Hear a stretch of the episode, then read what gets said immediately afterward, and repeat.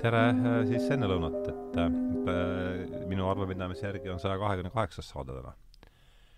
ja selliseks töö pealkirjaks sai siis äh, laimu, laimupilte loomadest, see viitab viitab tagasi vestlusele sada kakskümmend üks, kus olid äh, Riit äh,, Rein, vabandust, Tiit Maran ja ja Ilmar Trull ja kui ma Trullile helistasin, et et niisugune saade on kavas, siis ta oli kohe reipalt nõus, et ta on loomadest kirjutanud palju laimujutte ja meie tänase saate vestluse kangelane Gary Larson, Kanada karikaturist, on kirjutanud või joonistanud siis loomadest palju laimupilte, et täna hakkame neid, täna hakkame neid siis vaatama niimoodi äärest ja ja mõtlema, mis ta sellega on tahtnud meile öelda ja selleks on siis abiks äh, täna kaks vestluskaaslast, nagu ikka, tere tulemast, Urmas Nemvalts, tere tulemast, Marko Kekishev, et te olete mõlemad esimest korda. Tere! tere! et olge hea, et öelge enda kohta paar, paar sõna ja siis äh, saade, teema sai välja hõigatud ja siis hakkame kuskilt äh, äärest asja arutama. hakkame Urmasest no selles mõttes Gary Larsonile võiks öelda, et olen ma ametivend ja olen karikaturist, koomiksijoonistaja ja, ja ka raamatu illustraator. kusjuures Gary Larsonit sageli tituleeritakse ka pigem koomiksi autoriks paljudes nendes neti, netiportaalides. ma ei tea, miks, sest tema need pildid on ju tegelikult on nagu rohkem nagu karikatuur, tal on küll mm -hmm. ka mhm. mõned üksikud mitmest pildist koomiks on nagu niisugune liikuv pilt siis põhimõtteliselt või? no tal noh, kuidagi ma ei tea, minu, minusuguse vana stagnandi jaoks ikka koomiks koosneb mitmest ja, pildist. Uh, aga, aga endast ma ei tea, need kolm, kolm tiitlit ongi nagu põhilised, et ega väga ei oska karikaturist, raamatu illustraator ja kolmas oli siis? no koomiksid joonistan siis ka. noh, sa teed ikka, tõmbad vahe vahele siin? no jah, nad on ikkagi erinevad, erinevad asjad, et mm, -hmm. et ja no mõlemad asjad ilmuvad Postimehes, et siis Postimehe see päevakarikatuur ja ja Postimehe siis tagumises otsas on siis Mürakaru koomiks mm. -hmm. et ega rohkem ma ei oska endale neid tiitleid välja mõelda ma annan siis jutujärje edasi. Äh, hea mõte. iseendale muidugi on hea tiitleid juurde kleepida aga mina pean ennast äh, kunstnikuks disaineriks ja, ja põhiliselt tegutsen siis graafilise, graafilise disainerina ja aeg-ajalt käin ka tudengeid kiusamas. Äh, mina ei saa öelda, et mul oleks niisugune selge nüüd äh, paralleel või, või, või, või, või otsene seos karikatuuri või koomiksiga. ja, ja mm, loomulikult äh, lapsepõlves, nii nagu kirjutad luuletusi, tead, joonistad karikatuure ja nii edasi, mingisugune kogemus on olemas. aga ma pean siiralt tunnistama, et mulle meeldib neid vaadata Nad no, on ikka päris lõbusad kohati. Äh, ja, ja ega siis on ju mm, äh, ma olen ju veel selle vanakooli mees, et ma mul on veel paberlehed käivad, eks ju, nii et, et äh, seesama Postimees on mul ikka iga hommikul laua peal ja loomulikult täna oli väga rõõmustav. ma nautisin äh, Siili lugu mis seal täna Siiliga juhtus? Äh, ja see oli täiesti geniaalne. Siil, kes terve nädal käis oma tühjade taskutega ja kiusas inimesi eelarveaukudega, siis täna ta lõpuks otsustas ka selle juhtme lõplikult välja tõmmata ja ja need tühjad taskud muutusid tiibadeks ja ta lendas nädalavahetust tähistama. noh, suurepärane asi, eks ju. et ähm, mul on väga meeldiv olla siin autoriga ühes ruumis, aga spetsialistiks ma ennast nüüd kindlasti ei pea, Gary Larson ei ole ka nüüd äh, noh, päris see tegelane, kelle puhul ma võiks öelda, et ja, ja et, et ma tean nüüd tema lapsepõlvest, tema tänase päevani midagi, äh, neid äh, nii karikatuure, jah, ma nimetan ka neid koomiksit ikkagi mitmest pildist mingist stripist, mingist mitmest pildist koosnevaks jutustuseks. ja ja, ja ma pean siiralt tunnistama, et kui sa pakkusid mulle selle variandi tulla selle, ühineda selle afääriga mm, -hmm. siis siis äh, äh, ma igaks juhuks äh, hakkasin ka nagu mälus sobrama, tuletasin meelde ja ja ma pean, ma pean tunnistama, et ma üldse ei olnud märganudki, et ta on vahepeal pidanud nii pikalt pausi. jah, mina et see tuli sama... mulle suure üllatusena, et äh, sama siin. et ta oli, ta on kogu aeg nagu eksisteerinud mm, -hmm. ilma et, et oleks ära kadunud. jah, ja siis paluks uued küsimused ma juhin enne, enne uute küsimuste juurde, et sa istud ju omaenda taiese, taiese taustal, et ütle paar sõna selle kohta ka siis juba, kui no, see, ainulaadne võimalus. seda nüüd karikatuuriks me kindlasti ei nimeta, aga tegemist tegemist on ikkagi niisugune, tal on nagu oma tarbimisväärtus olemas. ja, ja, ja ma olen muideks sellel seisukohal küll, et huumor või noh, minugi poolest kas või karikatuur, noh, koomiksi puhul on natukene keerulisem seda öelda, aga laias laastus huumori puhul ei ole tar-, tähendab, ei, ma ei näe otsest tarbimisväärtust mm. -hmm. noh, ma saan no, teda teist, kui ta on trükitud, ma saan teda teist korda vaadata, kolmandat korda vaadata ja niikaua, kui ta ära tüütab või ei tüüta, noh, nagu hea filmi või, või, või teatrietenduse või muusikateosega, aga tal puudub tegelikult võib-olla, see on, see on jõhker avaldus mm. -hmm. nii et aga, aga sellel to tootel on loomulikult tarbimisväärtus olemas. ja, ega ma nüüd, aga see, ma julgen tunnistada küll, et see ei ole nüüd sügavalt tõsine. tähendab, loomulikult väike huumor on on seal olemas ja aga noh, ütleme need aspektid, mis mind kui disainerit siin paelusid või ütleme, kuidas ma endale seda asja lõbusaks tegin või huvitavaks tegin, need on tegelikult äh, erialane spetsiifika, see on, see on, see on puhas minu lõbu, ma ei tahagi, et see kuidagimoodi välja paistaks mm. -hmm. et selle struktuuriga mängimine, äh, värvidega noh, ütleme manipuleerimine oli mulle endale huvitav, aga lõppkokkuvõttes on see tähenduse teejuhtide äh, üks niisugune tore bänner, mis annaks ka vaat-, annab ka vaatajale aimu, millega tegemist on, eks ju mm -hmm., et isegi siis, kui heli ära läheb, eks küll. ja nii et Marko on siis tõepoolest nii seltsi kui ka tähenduse teejuhtide märgi visuaalse, visuaalse identiteedi seltsi ja siis sarja ja, ja mm -hmm. ja lehe no nii on kuidagi juhtunud, jah. jah, et äh, suur aitäh sulle veel kord selle eest, et ma olen väga õnnelikud selle üle jah, ja mina pean ka tänama, ega siis see toob ju leiba lauale ja puha, ega no vot siis äh, tehtud äh, ring peale, et äh, aga jah, et ega mis esimene, kui meil Larsson on sellise ju leppisime kokku, et tema on see põhjus, mis meid kokku toob, et kus, kus see jutt edasi läheb, seda, seda näitab aeg, aga et et kuidas sina üldse esimest korda Larssoni peale sattusid, Urmas?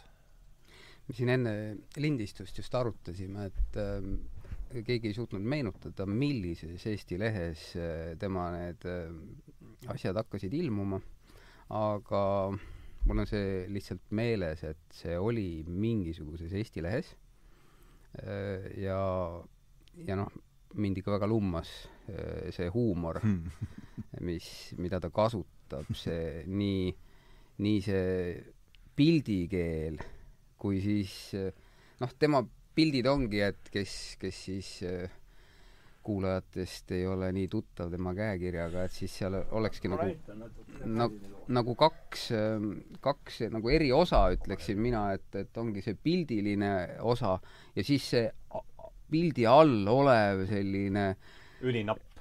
üli, ülinapp ja kohati hästi jabur ja, ja samas ka hästi lihtne huumor, mis sealt nagu, mõnikord ta keerab selle pildi täiesti pea peale, sest mm, -hmm. sest pildi sees seda nalja ei olegi, eh, millega tuleb siis see, see tekst lõpuks või, või millega see tekst nagu paneb see, selle puändi sinna pildile. näiteks see praegu jäi silma siin. telefoni, telefonikiosk keset üksikut saart ja, ja, ja need asjad ongi hästi lihtsad, hästi, hästi kuidagi lakoonilised ja mõnusad. Need näod ja siis on need mingisugused läbivad teemad, et noh, tem-, tema see, kuidas seda nüüd nimetada, lipulause või mis on sageli raamatute pealkirjades sees ja ja, ja, ja ajalehe sabades, kus nad ilmuvad, on siis tema pealkirjaks ongi siis nagu ääremail. ja, ja siis seal ääremail on siis nagu erinevad teemad, kui, kui on mingisugused, noh, ongi loomateemad, et kui sa sissejuhatuses rääkisid seda kuidas see väljend oli laimupildid laimupildid loomadest. trullilt vaadatud äh,, mugandatud. kusjuures Gary Larsoni kohta see mõnes mõttes hästi ei sobitu, sest tema on hästi empaatiline, ta on ta on loomade, loomade suhtes hästi hooliv. kui ma noh, ma proovisin ennast, et natuke asjalikum siin laua ta taga välja paista siis ma kodus vaatasin natuke netist neid tema asju ja kusagil, noh, netis on ju kõike, kusagil olid tema tsitaadid ja mulle kõige paremini jäi meelde selline tsitaat, kus ta ütles, et noh, ma ei suuda päris sõna-sõnalt, aga aga et et kui, kui ta usuks, usuks põrgusse mm, -hmm. siis selles põrgus ol, oleksid inimesed, kes on loomadega halvasti käitunud. Mm.. nojah, ta on ju, Vikipeedia ütleb esimesel real ka lausa vist, et, et ta on kesk-, karikaturist ja keskkonnakaitsja vist, et see teema on talle olnud mm, et tundub, et need loomaasjad on talle südamelähedased, ta sageli äh, väänab neid äh, asju, muide mina kasutan oma töös ka seda, et ma mõnikord panen äh, nagu loomad nagu mingeid olukordi nagu nagu siis arutlema või noh, mingis sellises napakas võtmes mm. -hmm. Siilist oli juttu just. Äh, jah, aga ka selles Postimehe karikatuuris, et kui mul on mul on töölepingus kirjas, et ma pean kuus korda nädalas tegema karikatuuri ja keegi ei küsi mu käest, et kas mul praegu see vaim on peal või ei ole, et ka või, või kas ma olen haige või, või kas mul on keegi lastest haige või, või ma ei tea, mis iganes see argipäev meile neid igasuguseid väikseid kaikaid sinna kodaratesse mm. loobib, siis mingi naljapilt peab Postimehes ikkagi ilmuma, siis mul on mingid omad stereotüübid, et kui ma tõesti, kas on teema on selline tuim ja raske, siis kasutangi mingeid stereotüüpe, mis on nagu aastate jooksul välja kujunenud ja üheks nendeks on siis ka loomad, kes mhm. mingid mm -hmm. kaks tuima kassi lihtsalt siis vaatavad maailmale oma loogika põhiselt ja et aga hästi, aga Marko, kuidas sina, millal sina üldse panid tähele esimest korda sellise ma, äh, mul on küll see mälestus olemas, ma ei oska aastaarvu öelda, aga mm, see juhtus äh, lennujaamas. Äh, see ei olnud kindlasti Tallinna lennujaam küll, aga ja mul oli lennukini suure tõenäosusega mingisugune kaks või kaks pool tundi aega. ja, ja ma kolasin siis, et äh, vaadata, mida, mida selle ajaga peale hakata, noh, lihtsalt niisama, ja see oli ka muidugi see aeg, kus veel meil ei, me ei võtnud esimesena telefoni välja, eks ju mm. -hmm. nii et, et selgelt üheksakümnendad. ja ma ja. äh, leidsin ühe siis niisuguse pisikese äh, Gary Larsoni äh, kogumiku, paras kõhukene igavesti odav ka, ja lasin selle näppude vahelt läbi, et noh, selge see, et ma nagu lugeda ei tahtnud midagi. et pigem ma vaatan. ja Äh, ja ma olen kehv inglise keele oskaja, sel ajal ma olin veel kehvem, et sa-, noh, saksa keele baasiga. ja tulemus oli see, et kui ma vaatasin neid asju, siis ma mm, ma sain aru, mis toimub, vähemalt mulle tundus, et ma saan aru, mis toimub. ja see oli põnev. nii et ma siis seda lehitsen ja siis ta, siis ta tekkis minu niisugusesse maailma üks tore, tore ja ma olen ka täiesti nõus, et väga humanistlik, eks ju. Äh, väga humanistlik äh, Äh, looja. ma isegi võrdleks või no võib-olla võrdlus ei ole hea, aga aga ma olen ka Gary Larsoni näinud ikkagi niisuguseid teoseid, kus ikkagi loom tapetakse ära lõpuks, eks ju, tähendab, ega seal mm -hmm. ja vahepeal ta, vahepeal ta on suutnud seal lõbutseda, aga aga mingisuguse inimliku käitumisviisi tõttu on ta siis nagu hukatakse, eks ju, et noh, pole midagi parata, eks ju, nii nagu Corridal ikkagi härg parima, no kui härg kedagi teist ära ei tapa, siis tema ikkagi tapetakse ära, eks. ja, ja selle, võib-olla see võrdlus, mis mul tekkis, see paralleel, ma olin kunagi nooruses poisikesena, mulle õudselt meeldis siis varajane või noor Hillar, või vabandust, Heiki Ernits, Illar Mets ka loomulikult mm, -hmm. Heiki Ernits, ja ma olin Pikris, olin ikka väga pettunud, kui oli Heiki Ernitsa karikatuur ja seal verd ei pritsinud. noh, et, et kuidas nii, eks ju ja aga samas see ei olnud kuri või noh, ta ei olnud vägi, ta, ta, ta ei õhutanud vägivalda ega midagi sellist. aga, aga see oli mulle alati niisugune ta tegi Pikrisse äh,? jaa, et noh, minu mälestus niisugune seitsekümmend kaheksa, seitsekümmend üheksa, kaheksakümmend, kaheksakümmend üks ja nii edasi. Mhm. mis aasta aga... mees sa oled ehk üldse ah?? mis aasta mees sa oled? Äh, kuuskümmend kolm. kuuskümmend kolm, okei kolm aastat. et äh, just paras niisugune mm, paras niisugune aeg ja mul, mulle see, mulle ikka Pikker kindlasti väga istus, nii et, et kui Pikker ilmus, siis, siis tuli ikka minna kohe putkasse seda ka lehitsema või vabandust, kaasa ostma ja lehitsema. ja, ja see, selliseid paralleele on, on ka Eesti karikatuuris olemas, kellel on niisugune noh, võivad olla väga põnevad pöörased lood, aga nad on selgelt humaansed, noh alates Edgar Valterist, täiesti geniaalne tegelane, isegi kui ta joonistas draakoni kes sülgas tuld, siis ta oli armas draakon noh, ja siis tähendab, tõenäoliselt keegi noh, nagu surma ei saanud, eks ju. Need kihvad võisid olla suured, aga nad ei olnud ohtlikud või nad ei tundunud ohtlikud, et see käis nagu loo juurde, et, et midagi peab olema. ja, ja, ja sealt veel edasi, et äh, aga äh, see, see esimene kontakt jah, oli see, et ja selles, selles väikses raamatus oli ka päris palju äh, pilte, kus ei olnudki teksti ja osad, et see oli nagu, see oli nagu põnev, et ähm, äh, et see, ütleme, need on haruldased loojad äh,, kes suudavad pilti ka niimoodi teha, et, et sinna ei ole vaja enam midagi juurde mm. lisada või sinna ei ole vaja kommentaare panna või, või seda ei ole vaja äh, mingit, mingisuguse jutustusega täiendada või, või siis noh, ütleme kas või seda hüperbooli muut-, tekitada. ja, see, tundus nagu põnev, et äh, Äh, ja kuna ma olen, äh, mulle õudselt meeldib ka, õudselt on muidugi kui nüüd halb sõna, vabandust. okei, ajab asja ära. igal juhul jah, õudselt kohutavalt ja nii edasi, eks ju, et meeldib äh, ka plakat või plakatikunst või plakatikultuur. ja seal eksisteerib see nähtus ka, et kuigi klassikaliselt peetakse plakatit siis visuaali ja teksti niisuguseks toredaks sümbioosiks, kus kõik info ja, ja see kommunikatsioon siis edasi antakse aga, aga tippudeks peetakse ikkagi selliseid teoseid, kus äh, eriti kui me räägime seal mingist sotsiaalplakatist, kus see või, või, või isegi mõnikord poliitilisest plakatist, kus üldse teksti ei ole, on ainult kujund ja kõik saavad sellest peaaegu ühtemoodi aru mm. -hmm. aga see on alati peaaegu mm -hmm.. kaheksakümnendatel oli ju Eestis tohutu see plakatikunsti plahvatus. kaheksakümnendatel, jah? ja, ja kaheksakümnendatel. ja, ja, ja ilmusid sellised plakatid, mis ei olnud täis seda punast ila, vaid mm -hmm. olidki mm, -hmm. nad olid tõsiselt lahedad.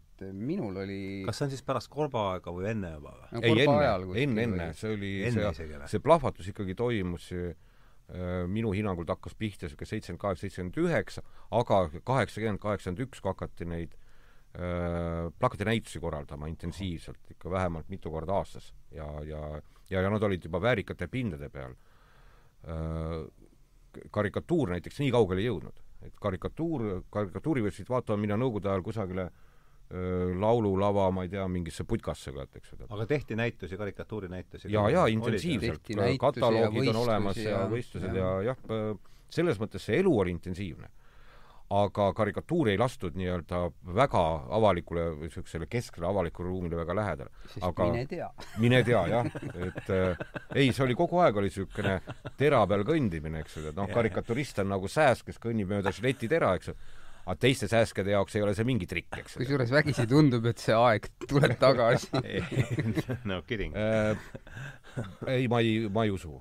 vähemalt praegu ma seda niisugust traagikat ei näe. pigem, mida ma usun, on see, et, et erinevad siis vaated või ütleme, ilmavaated leiavad endale omad joonistajad ja need hakkavad omavahel kaklema, tead, eks ju, noh, see on nagu okei okay. yeah,. Yeah, aga see, et nüüd keegi ütleb, et sinu lugu me enam ei avalda, või sa saad nüüd keelu, mis tol ajal oli täiesti okei okay.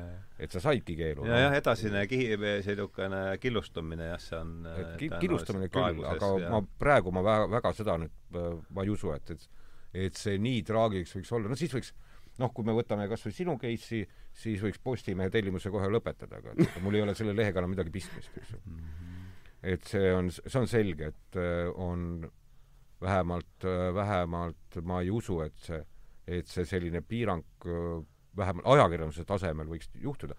aga mis inimeste peades muidugi toimub, need piirangud on olemas.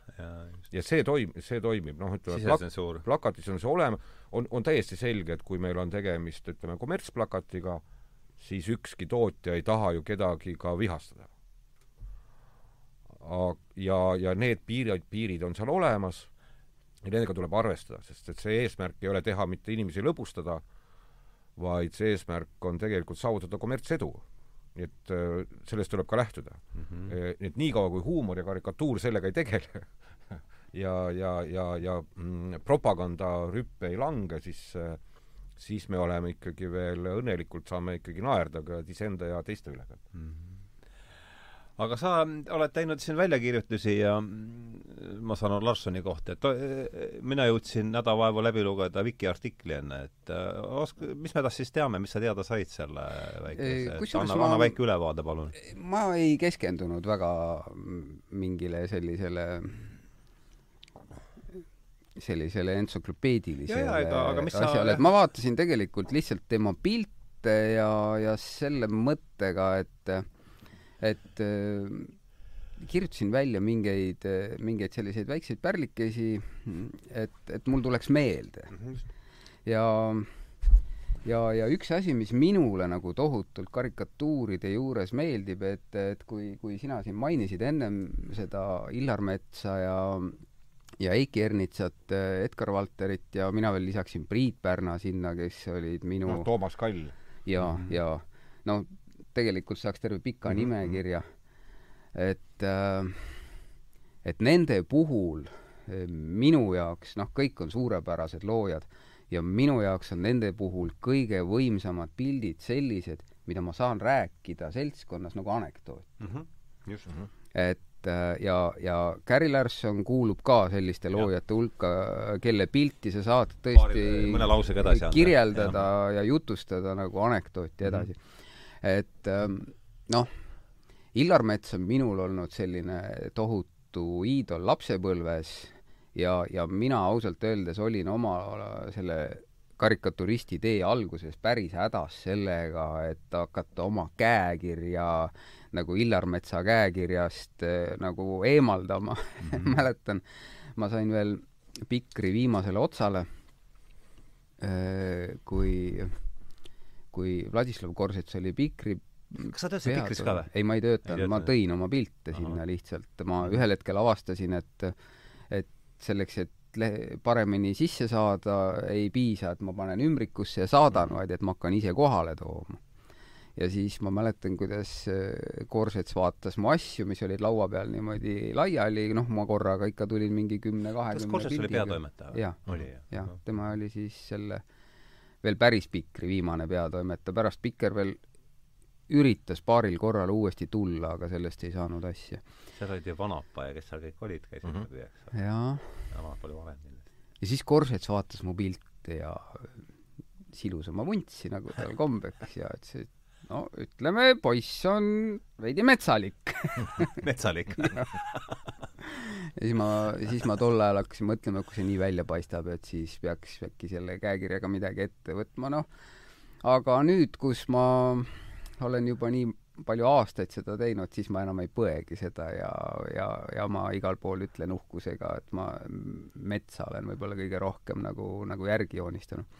aga kui tulla juur-, tagasi nende anekdootlike olukordade juurde karikatuurides, siis ma võin nagu äh, rääkida paar paar karikatuuri ümber jutustada.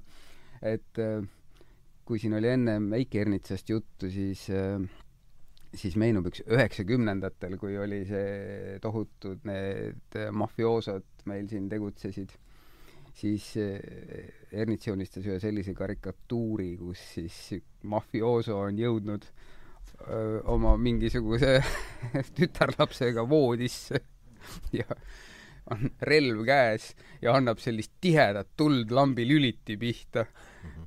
ja mille peale siis äh, äh, naisterahvas kõrval ütleb, et mine lase see tuli ikka lülitist ära, ei kao see erektsioon sul vahepeal kusagile. See annab üheksakümnendate aastate alguse vaibi päris kenasti niimoodi. nojah, lase tuli maha, eks ju aga, aga siis no Illar Metsal on palju selliseid anekdoodina jutustatavaid asju, et äh, minu kaks lemmikut on, on sellised, kus ühe peal, ühe peal on siis kobrad, vana kobras ja, ja noor kobras ja mm. siis vana kobras äh, räägib noorele noh, jäätise anatoomiast, ongi jäätis on peos pulkapidi ja ja siis seletab mm -hmm. sellele noorele, et kõigepealt võtame selle krabiseva paberi ära mm. -hmm. siis see vastik, siis see vastik külm pätsike minema ja jõuamegi pulgani. Karjala kask, ma arvan. maitsva pulganiga jäetakse jaa, see on, see on täiesti mälus. see oli Ernits? ei, see oli Illar Mets. Illar Mets ja, ja siis üks teine selline pärl on veel metsal, kus, äh, kus perekond Elevandid. ja see on juba ka kuidagi hästi Gary Larsonilik, et kui ma seda, seda pilti silma ette manan, siis see võiks ka Larsoni käekirjaga vabalt olla loodud. aga see oli siis metsapilt, kus perekond Elevandid äh, valmistuvad äh, peole minema ja nagu ikka klassika, isaelevandil on ülikond seljas, lipp sees ja seisab ukse juures, närvilikult vahib kella. ema, ema elevant on siis äh, äh, on siis äh, peegli ees. üks kolm meetrit lonti ripub ja hõikab, et rahune, Vincent, veel ainult nina ongi jäänud puuderdada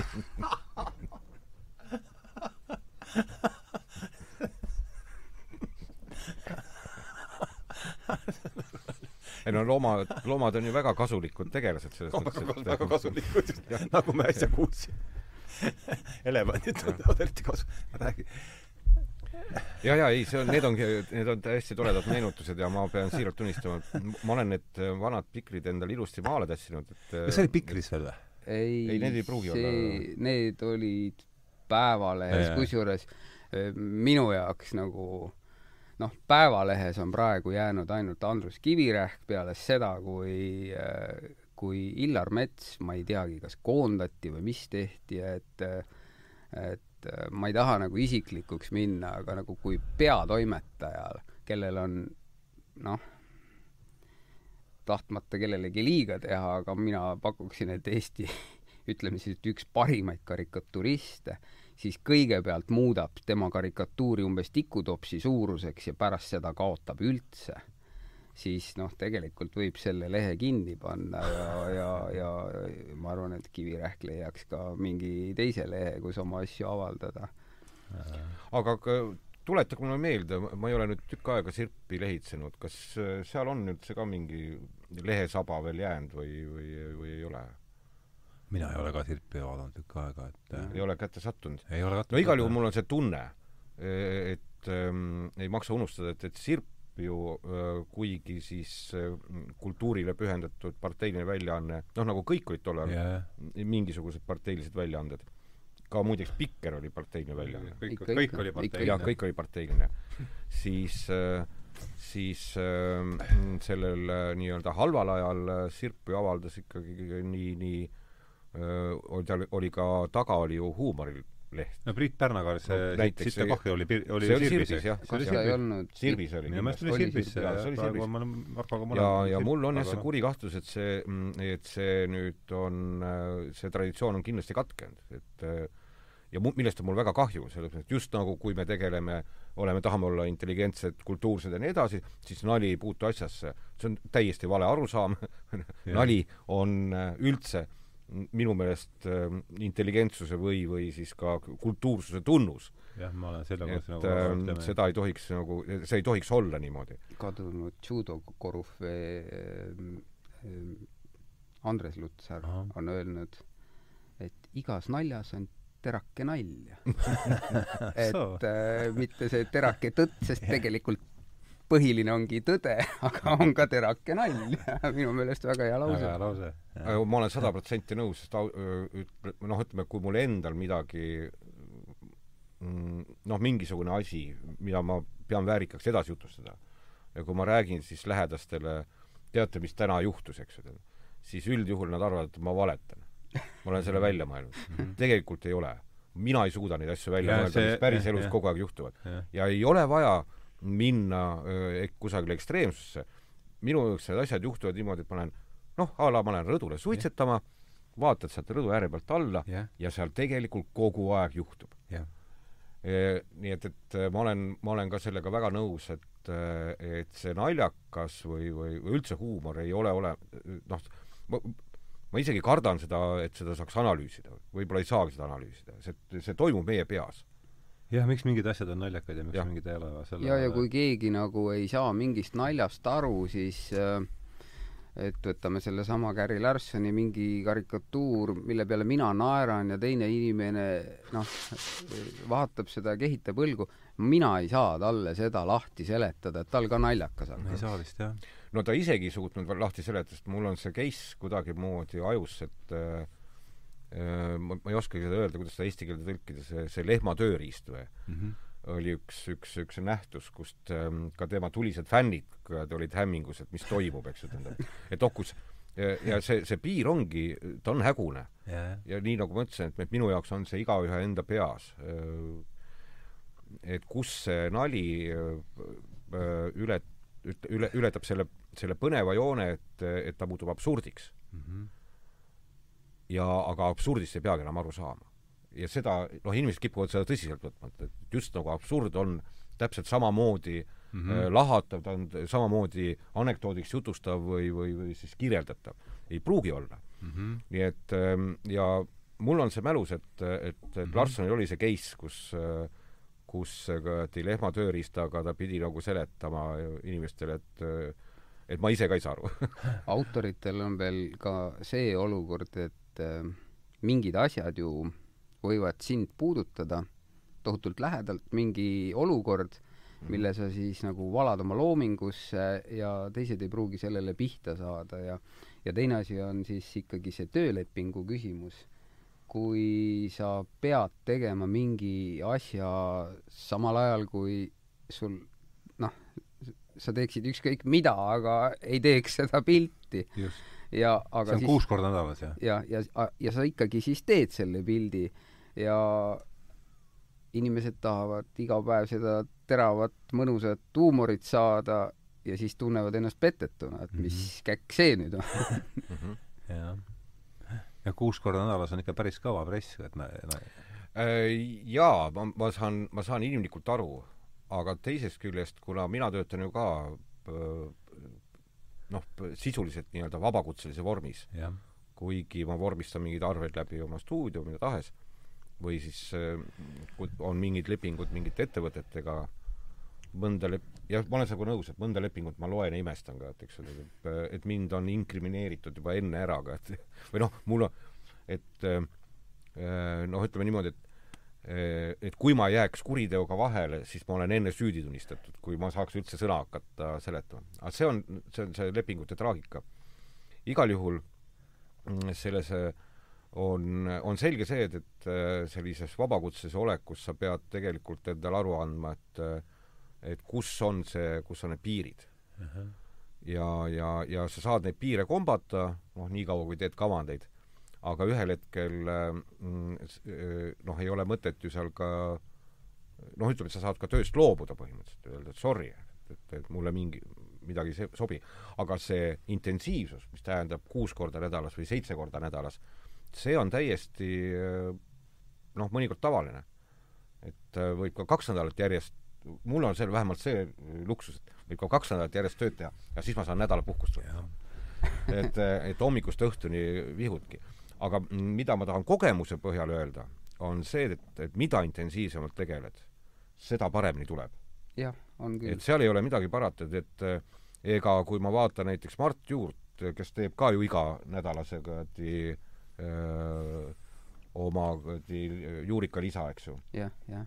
siis öö, seda, sellist tempot saab harrastada ainult, ainult just nimelt sellise ja. järjepideva rütmiga. et ja, ja Gary Larson on selles mõttes täiesti ka pöörane tegelane, et kui vaadata tema intensiivsust, siis see on ju, tundub uskumatu.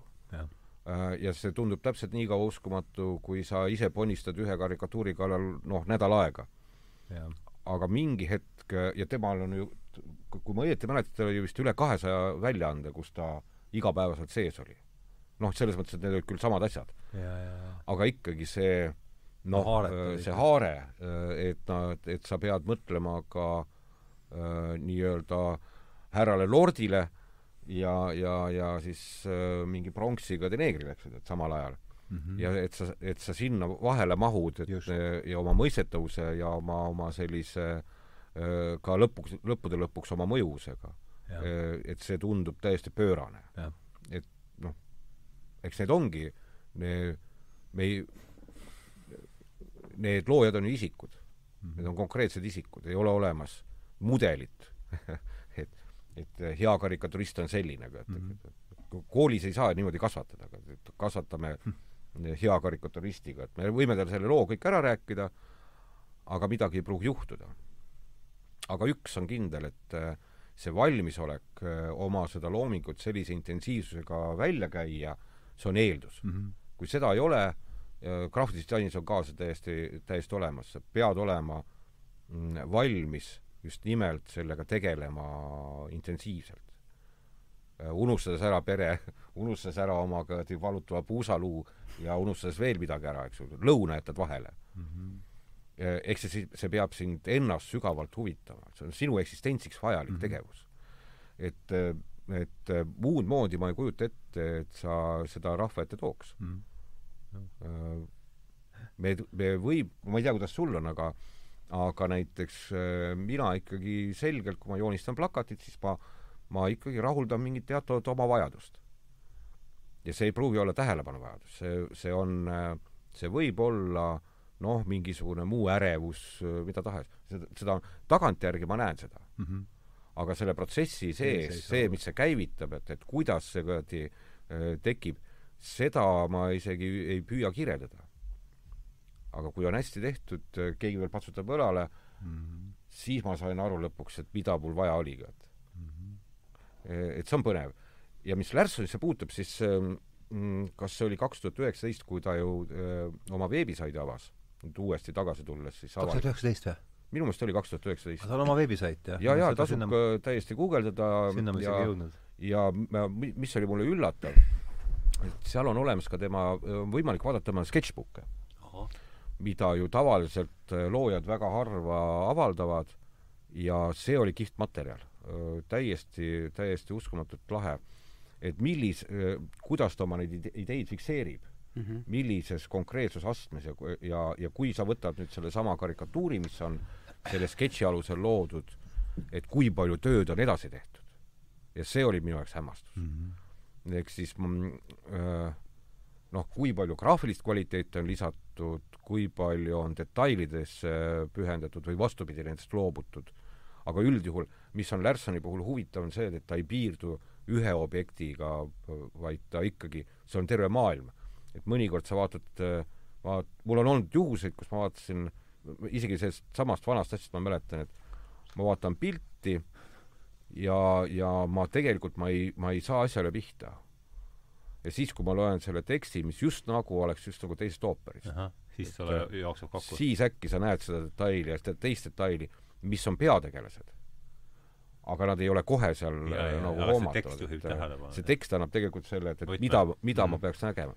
ehk siis see oskus äh, kahte moodi käituda, üks on see, et, et vaataja näeb kohe peamist asja mm -hmm. ja see pööratakse siis äh, noh, kuidagimoodi äh, naljaks või siis vastupidi, ta näeb midagi, mille puhul tal on vaja väikest äh, noh, hoopis niisugust mingit nügimist, mingit tõuget. vaata seda. ja, ja siis ta saab hoop- ja, ja see kõik see pilt muutub uueks mm. -hmm. mingid detailid, mis on perifeerias, muutuvad tähtsaks mm. -hmm. väga põnev maailm. igal juhul seda saiti ma soovitan kindlasti külastada ja selle, selle peaks leidma ja, küllalt elementaarselt üles, no sealt ma saingi teada, et ta üldse nii palju on pausinud ma arvasin, et jah, et, et küll ma kukkusin nüüd lobisema, ühtegi nalja ei tulnud. Ei, aga sul on huvitav, mis sa, sa käisid veel ekstra selle järele, lehe järele, et mis sa kirja, mis sa sealt leidsid, et oli, mis sa, mis sa mis vääris kirjapanemist, et see oli põhiliselt minu enda ebakindlus võib-olla et ma tulen, ma olen ise seda saadet muidu nagu teiselt poolt raadiokasti harjunud kuulama või siis vaatama. ja, ja tohutult imetlen neid intellektuaale ja tarku inimesi, kes sinu vastas siin on istunud. ja ausalt öeldes oli päris kõhe mm. -hmm. tulla ja, ja mõtlesin, et ma tunnen ehk ennast natuke kindlamini, kui ma mingid asjad mm nagu välja kirjutan. aga need väljakirjutused, need ongi enamasti sellised mul sellised väiksed ähm, väiksed memod mingitele sellistele piltidele, mis äh, ka on anekdoodina räägitavad mm. -hmm. et äh, äh, näiteks äh, näiteks selline olukord, et pilt len-, lennuki kabiinist, see on nüüd jälle Larsson? see on Larson. ja, ja, ja, ja Larssonil on ka hästi palju selliseid pilte ju, kui, kui ennem, ennem sina, Marko, rääkisid sellest äh, äh, olukorrast, kus vaatad pilti ja nagu ei saagi nagu nii hästi asjale pihta ja siis see tekst nagu paneb nagu kõik need asjad paika Mm -hmm. ja, ja, ja lisaks siis on tal terve hunnik sellist musta huumorit Mm -hmm. äh, Mhm. kus äh, ütleme, et pildi peal on olukord, kus nagu sekundi või kahe pärast on olukord väga fataalne. üks selliseid siis ongi see lennuki kabiinist äh, on nagu vaade välja, on, on siuke hästi pilvine kõik ja siis pilvede sees on siuke pisike auk ja selles augus on, on kits. Üks lendur küsib teise käest, et oskad sa öelda, mida teeb mägikits siin pilvede vahel?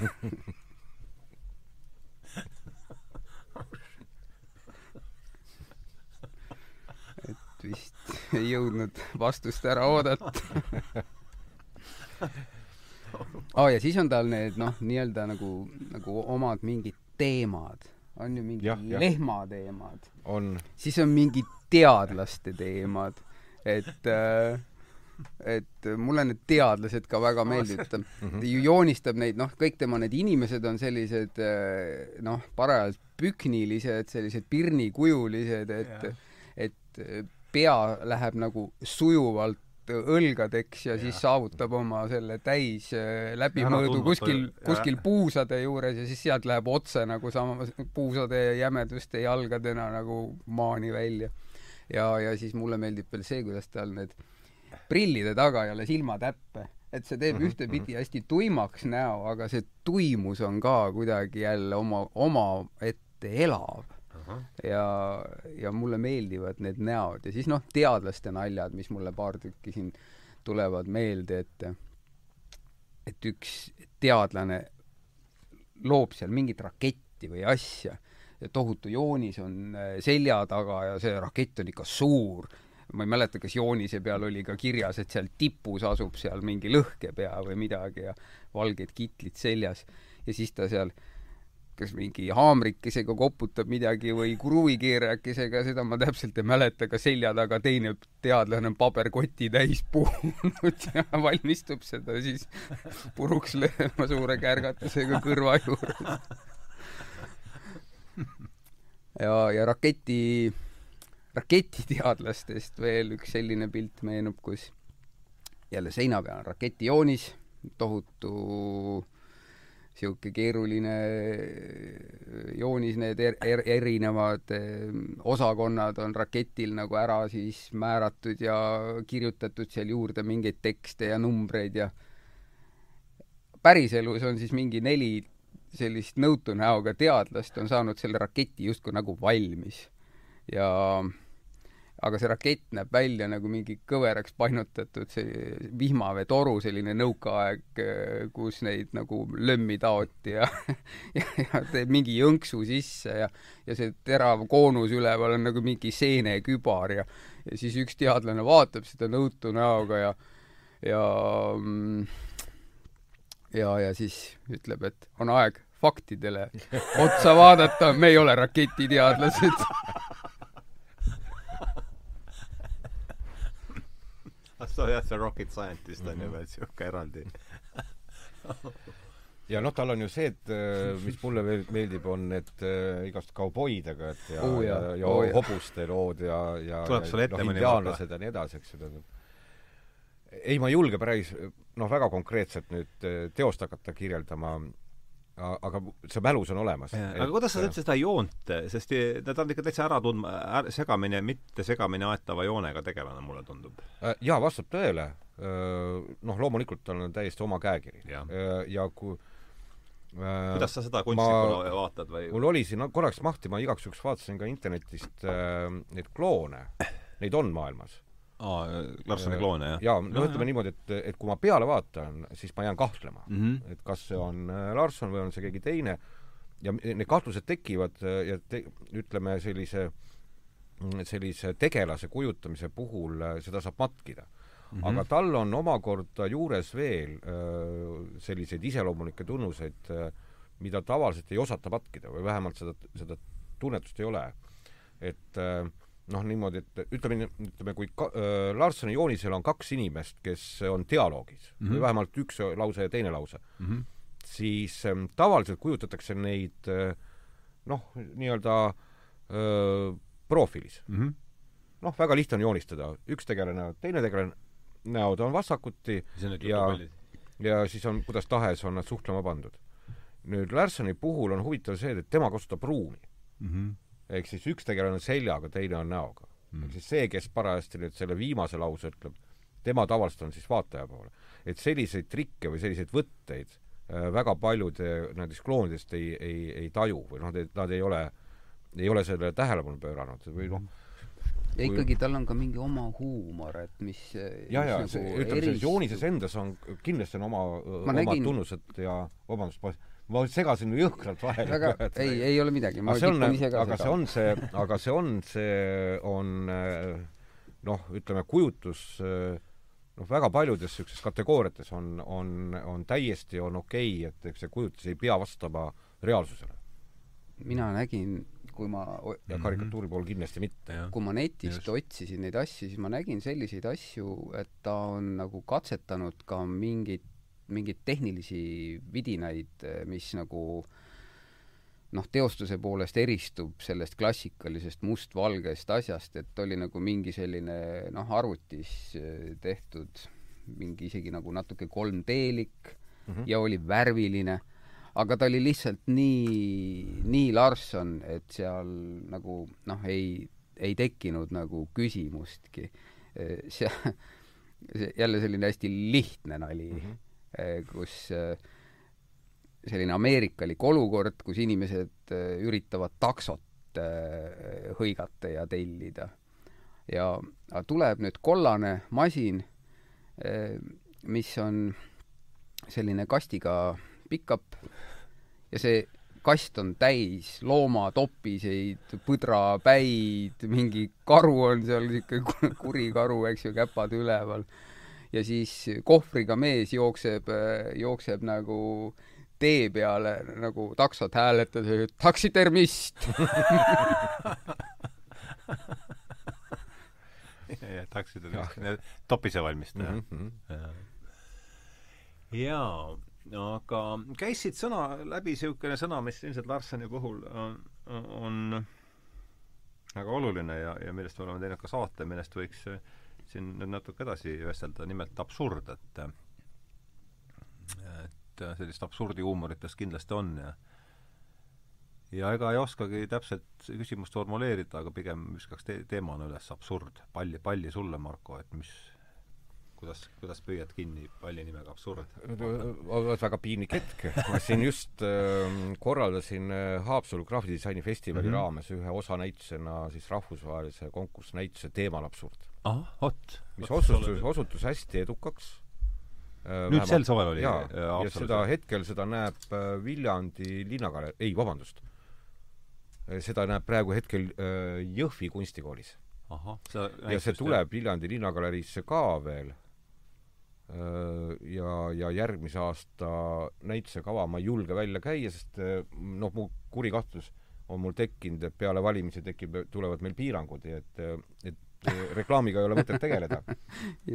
Siis, siis ähm, äh, noh, üllatus oli, üllatus oli see, et, et see on ilmselt koroonaga seotud, et väga paljud siis, väga suur hulk rahvusvahelisi selliseid põnevaid tegelasi äh, võttis konkursist osa üle neljasaja kolmekümne teose ja meil on piirang, et me saime ainult kaheksakümmend neli teost nii-öelda reaalselt välja panna, nii et, et need kaheksakümmend neli teost olid siis nagu võitjad, selle konkursi võitjad, kes ekspeditsiooni said mm. -hmm. žürii otsusel loomulikult ja ja aga tagantjärgi ta ei olnud piiratud kuidagimoodi ainult nüüd plakatistide või graafiliste disaineritega, see oli nii fotograaf äh,, kui ka, kui ka noh, multidistsiplinaarseid kunstnikke.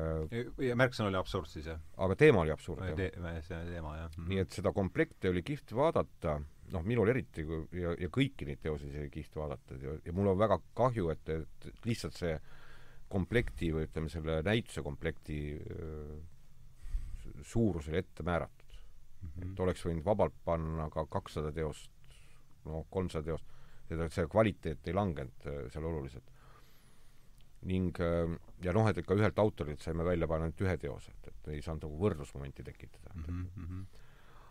aga tulemus oli see, et, et, et mul äkki jõudis kohale, et kui mul ennem oli mingi taju, mis asi on absurd, ja ma arvasin, et ma suudan seda kirjeldada, siis pärast seda ma enam ei tahaks suu, suud nagu sellisesse äh, noh, vähemalt mitte akadeemilises mõttes või vähemalt mingi definitsiooni mõttes enam, me leiame definitsioonid. ei, mis akadeemiline me leiame definitsioonid, aga, aga, aga, aga, aga lõppkokkuvõttes ähm, mm, see, kuidas erinevad, see oli ülemaailmne, eks ju mm. -hmm. nii Ladina-Ameerikast, äh, noh, ka seal Indoneesiast, Põhja-Ameerikast, äh, loomulikult slaavi rahvad ja, ja, ja ja Euroopa Liidu, äh, meie head sõbrad kõik, siis see taju on täiesti erinev Äh, mis mind muidugi üllatas, oli see, et, et oli ka niisugust teravat poliitilisust, mida millegi, osad autorid pidasid absurdseks, noh kindlasti see situatsioon võib olla nende jaoks äh, absurdne äh,, siis äh, oli ka, oli ka niisugust ründavat poliitilisust mm. -hmm. Äh, mis jättis mulle täiesti niisuguse tunde, et noh, et, et mis nagu toimub, noh näiteks konkreetselt äh, Hiina autorid, kes ründasid Jaapanit. ahah või siis mis seda absurdi näitas raames? absurdi raames, eks ole. tuleb sul midagi meelde sellest, see on huvitav? tead, ausalt öeldes ma ei tahtnud neid isegi meelde jätta, nad olid nii, nad olid nii äh, propagandistlikud, et mm, -hmm. et seal, mul on kuri kahtsus, et seal oli nii-öelda mingi riiklik käsi mängus. no Hiinas on vist et läheb... see tundus vähemalt niimoodi, et mm, äh, see ei olnud nauditav mm. -hmm. aga mm,, aga siis oli teine pool mingi, mis oli minu jaoks äh, nauditav, oli just nimelt need teosed, kus seda ei olnud kommenteeritud eriti tekstiga, nii et, et nagu ütleme, klassikalisest plakati vormist oli välja mindud, aga iga kord, kui ma neid, neid teoseid, noh, Tallinnas oli viimat-, oli see näitus üleval ka disainiöö ajal äh, Põhjala tehases, niimoodi mm -hmm. nädal aega, nii, nii nagu see disainiöö üritused toimuvad. ja, ja äh, nüüd uuesti tagasi tulles selle juurde, et ähm, selle absurdi loo juures noh, ütleme, ma võib-olla toon paralleeli äh, selli-, sellisele mingi, mingi nooruspõlve mm. -hmm. tänu siis niisuguse pungi esile kerkimisele äh, ja, ja ka Eestis olid siis niisugused noh, ütleme, propeller kindlasti kuradi väga mm -hmm. väärtuslik materjal. ja, ja mul on ikkagi see, ma arvan, et mul on, mul on siiamaale meeles niisugune Volkonski Äh, suurepärased karjatused. Sulla, sulla, sulla, sulla. Jões ujuvad kuldkalad, no ei oska Volkonskit järgida. Osvaldil on lamp-jalad ja see oli, ütleme, mm, olles keskkooli poiss, oli, ma tundsin, et see on minu põlvkonna värk. Yeah.. ükski õpetaja sellest aru ei saanud yeah., ei saanud ka nooremad aru. Mm. -hmm ja tagantjärgi ma mõtlen, kas me isegi saime aru, aga, aga vähemalt see, korda läks aga see läks korda. ja, mm -hmm. ja, ja sellised, selliseid absurdisõnumeid tekitada, mille, mis on mm, -hmm. mis on nonsensi äh, piirimail, oli, oli nagu kihvt.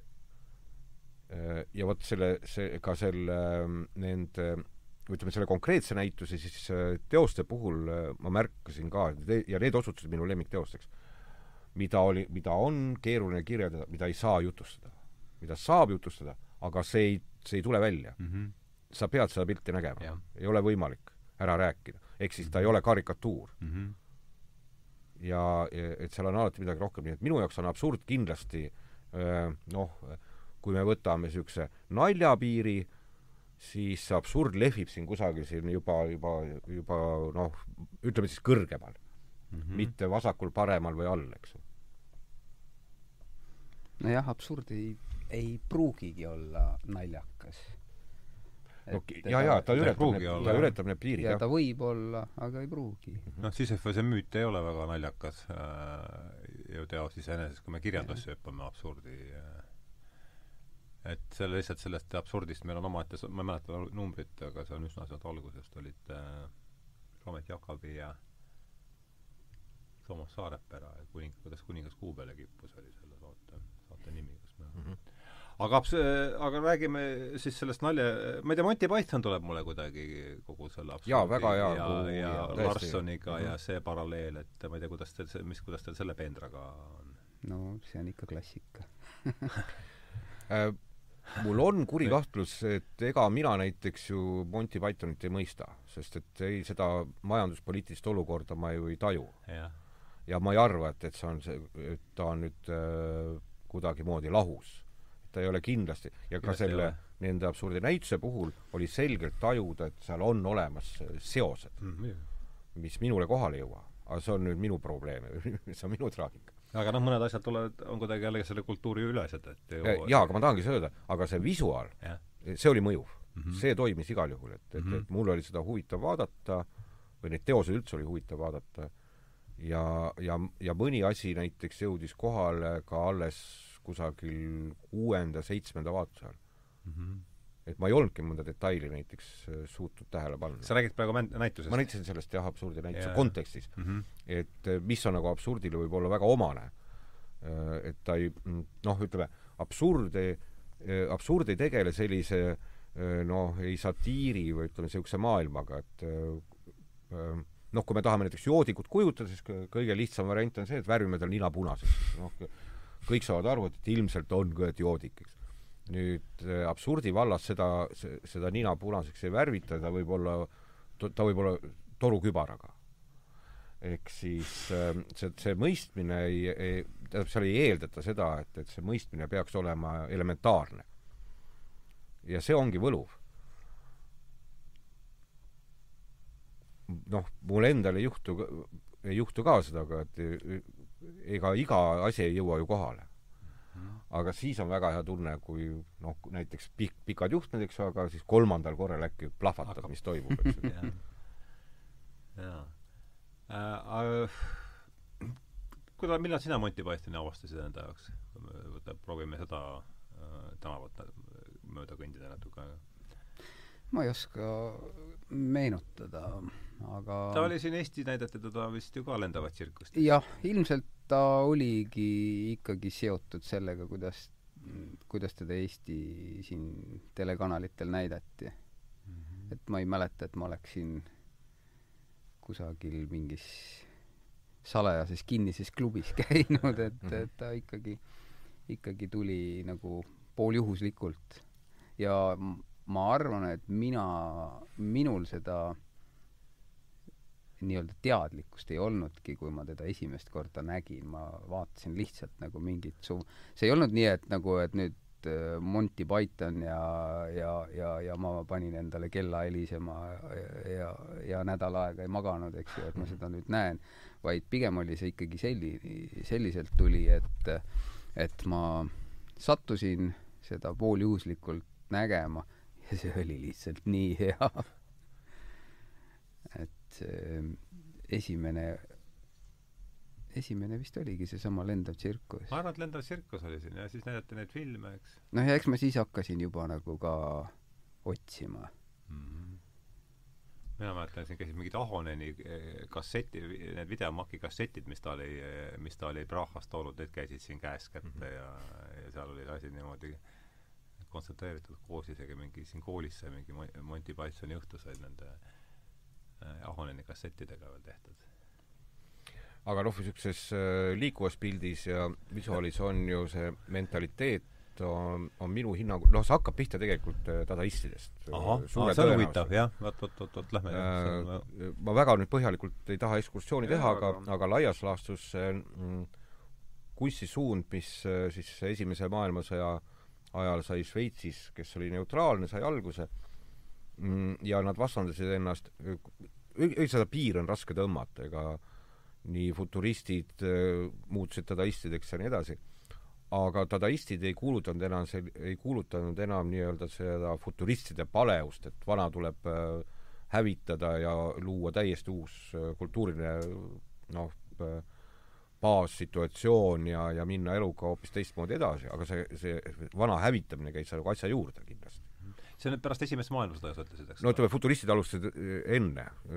tuhat üheksasada kümme oli, oli Marinetti oma manifestiga, eks ju. Marinetti? Marinetti, jah. tema oma manifestiga siis, noh, mida loetakse siis futurismi alguseks ja, ja see on eesti keeles isegi internetist leitav ka. vähemalt ma mäletan, et aastaid tagasi ma tõesti märkasin, et see on ilusti tõlgitud, aga Marinetti tuhat üheksasada kümme ütles ja. see, jah. futurismi manifest. jah et äh, mis siis, äh, aga noh, see, need asjad olid käärinud ennem mm. -hmm, et kui me räägime Venemaa äh, suprematismist ja nii edasi, edasi, suprematismist, Supermatism. et see, see oli hm? mis tuu on? ahah, nüüd on põnev asi, meil on alati, meil on alati abiks Google aga aga ütle paari sõnaga, et mis, pole kuul-, pole kuulnudki seda sõna no Malevitš oleks siis see Malevitš, autor, keda tasuks siis vaadata, aga laias laastus nad otsisid siis uut kujutus, uut kujutamise vormi mm, -hmm. mis erines selgelt äh, Lääne-Euroopa äh, noh, impressionistidest ja nii edasi, edasi mm, -hmm. väga paljudest vooludest, vaid nad tegid oluliselt kardinaalsemad sammud, noh, Malevitši Must ruut on võib-olla see, mis võiks äh, meelde tulla. Ja, ja mm, mm, kus siis esitati, esitati äh, kunstivormis küsimusi äh, mm, noh, mida me selle maailmaga peale hakkame mm. -hmm.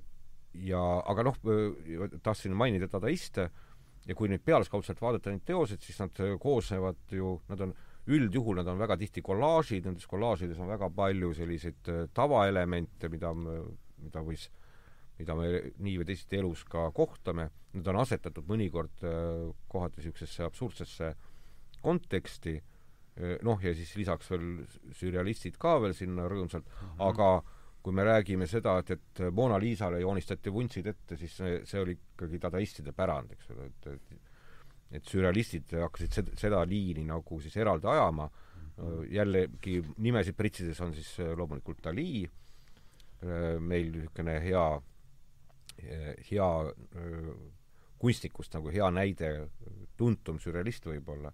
aga noh, neid Magritte, neid, neid on palju. siis no,, siis see Dali on sürrealist, eks ole? Dali on see sürrealist. aga dadaismi, kes, kes seal oleks suuremad nimed? ma, vaat oleks mul nüüd, oleks ma nüüd loengus, siis ma ütleks selle koha peal, et kohe on keele peal aga seda saab järele vaadata? seda tasub järele vaadata, ma jah, ma ju päris niisugune entsüklopeedia ei ole ja, ja mm, et ma üritan rohkem praktikuna tegutseda, siis see akadeemiline vorm ei ole mul kogu aeg tagataskus. aga jutu mõte väga lihtne, et siis need, need arengud on olnud järjepidevad mm. -hmm. et on, on mingisugune, on mingisugused nähtused on, on teadusse, ütleme ka publiku teadusse viidud ja sealt tehakse järgmised ja järgmiseid samme mm. -hmm. kui ei oleks olnud dadaiste, ei oleks suure tõenäosusega olnud popkunsti mm, -hmm. ei oleks olnud äh, psühhedeelilist kunsti, tõenäoliselt äh, kui ei oleks olnud dadaistide, või ütleme, nende loomingu tõlgendamist äh, me ei oleks näinud näiteks suurepärast äh, või me ei näeks suurepärast kollast talvelaeva mm, Beatlesite -hmm. uhket kuradi animatsiooni mm, -hmm. võib-olla ka hilisemaid muid teiste bändide animatsioone, ja suure tõenäosusega, kui me ei oleks olnud kollast talvelaeva, ei oleks me näinud Priit Pärna kilplasi. et need asjad mm -hmm. ei mhm. teki niimoodi tühja koha peal või ütleme see sõidab ikka mingi ajavaimu mina, jah, mina väidan, et, et, et see on, see on üks, see on üks protsess. vähemalt seda, mulle tundub, et, et see on üks protsess. alati saab ka vastu vaielda.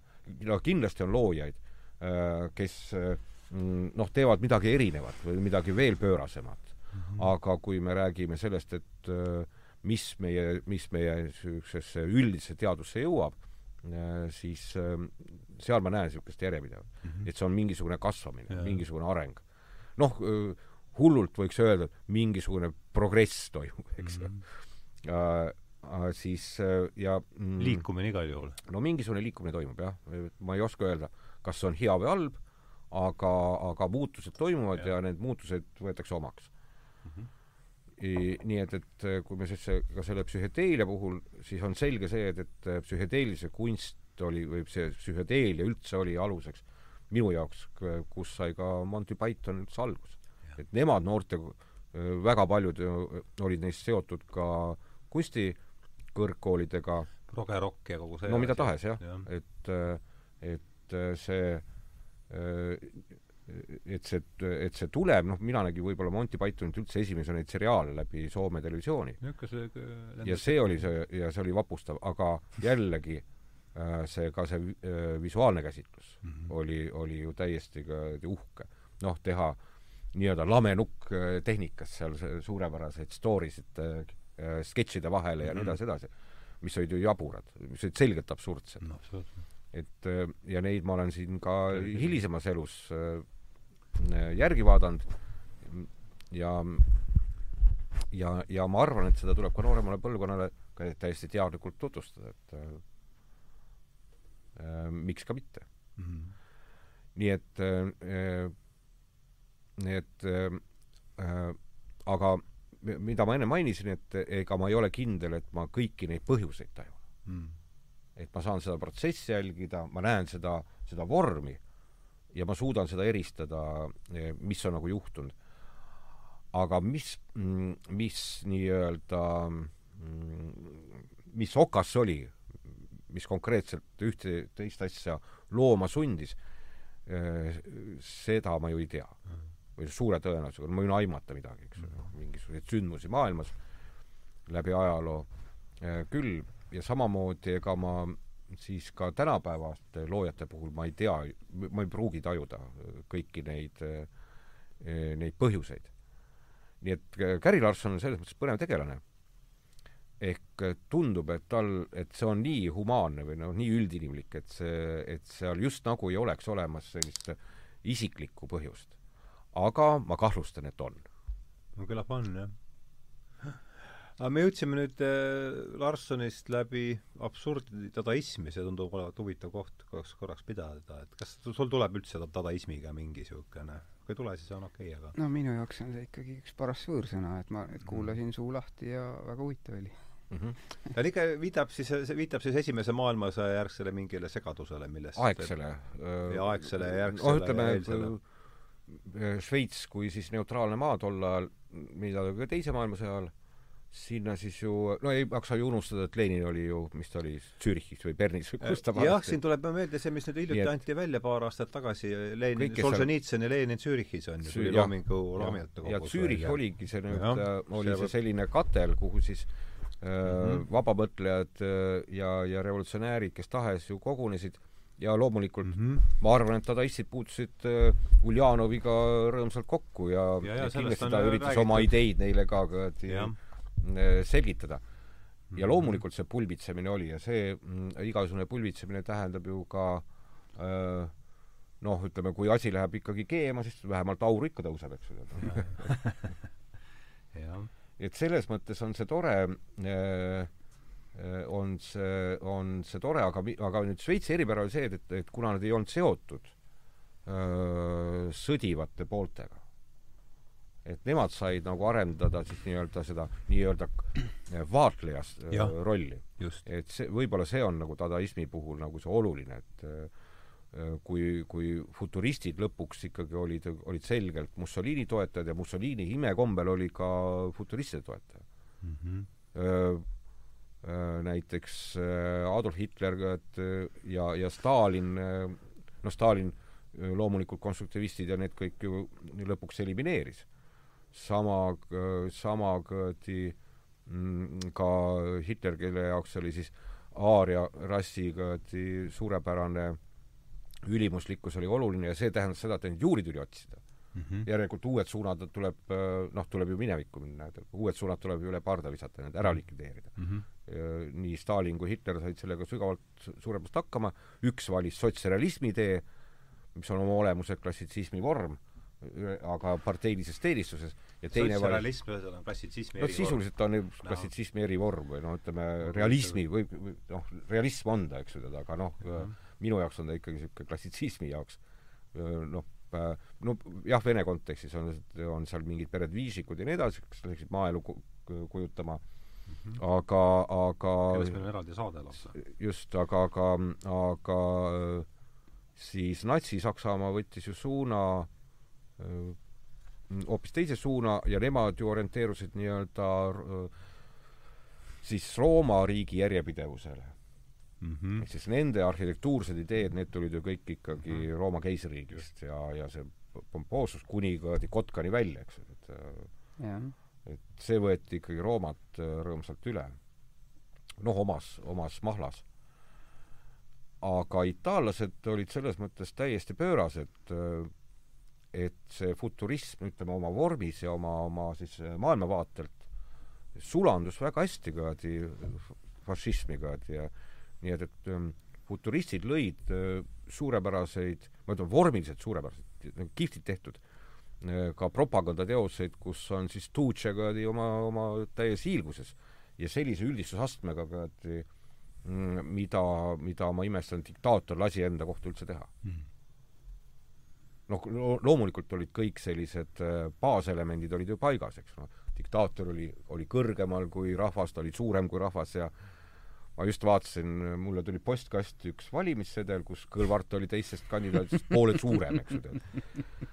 noh, selge, kes on siis nii-öelda see ikonostaas oli väga selgelt välja joonistatud. ma ei tea, kas see loo, ütleme selle reklaambukleti kujundaja tegi seda teadlikult või talle öeldi, et noh, tee suuremaks. ikonostaas oli üks sõna. Jah, mis, mis see on?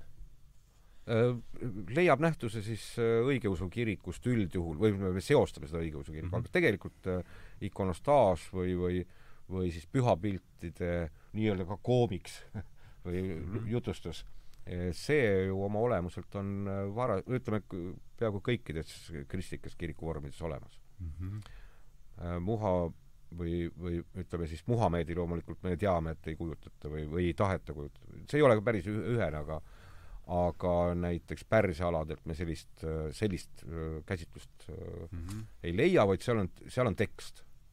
ehk siis deko-, dekoratiivne öö, tekst, mis asendab pilti mm. -hmm. no siin Stalini ja Hitleri nimed käisid läbi ja mis aasta mees sina oled, Urmas? kuuskümmend kaheksa. kuuskümmend kaheksa, jah. Sa mäletad seda veneaegset krokodilli, mäletad sa või? ikka, ikka. kas sealt leidsid midagi huvitavat või? või kuidas see no, oli näiteks Pikriga võrreldes? vaata, meil oli ju ikkagi tol ajal ka teatav selline vas-, vastuseis mm -hmm. kõigele, mis nagu oli venekeelne, noh mm -hmm. tagantjärele oli see, noh, tagantjärele vaadates oli see nagu veidi nagu paranoiline, et eks seal oli häid asju ka, aga põhimõtteliselt sa ikkagi viskasid kõik kõrvale, mis oli nagu venekeelne, et mm -hmm. noh, praegu ma väga vaimustun vene huumorist ja et mul on ka palju vene karikaturistidest Facebooki sõpru ja, ja jälgin nende loomingut ja tõesti, ja kusjuures tahame me või ei taha, aga meie mõistame vene nalja väga hästi, noh, võrreldes muu läänemaailmaga. Et see vene nali on kuidagi meile väga, väga mõistetav ja omane.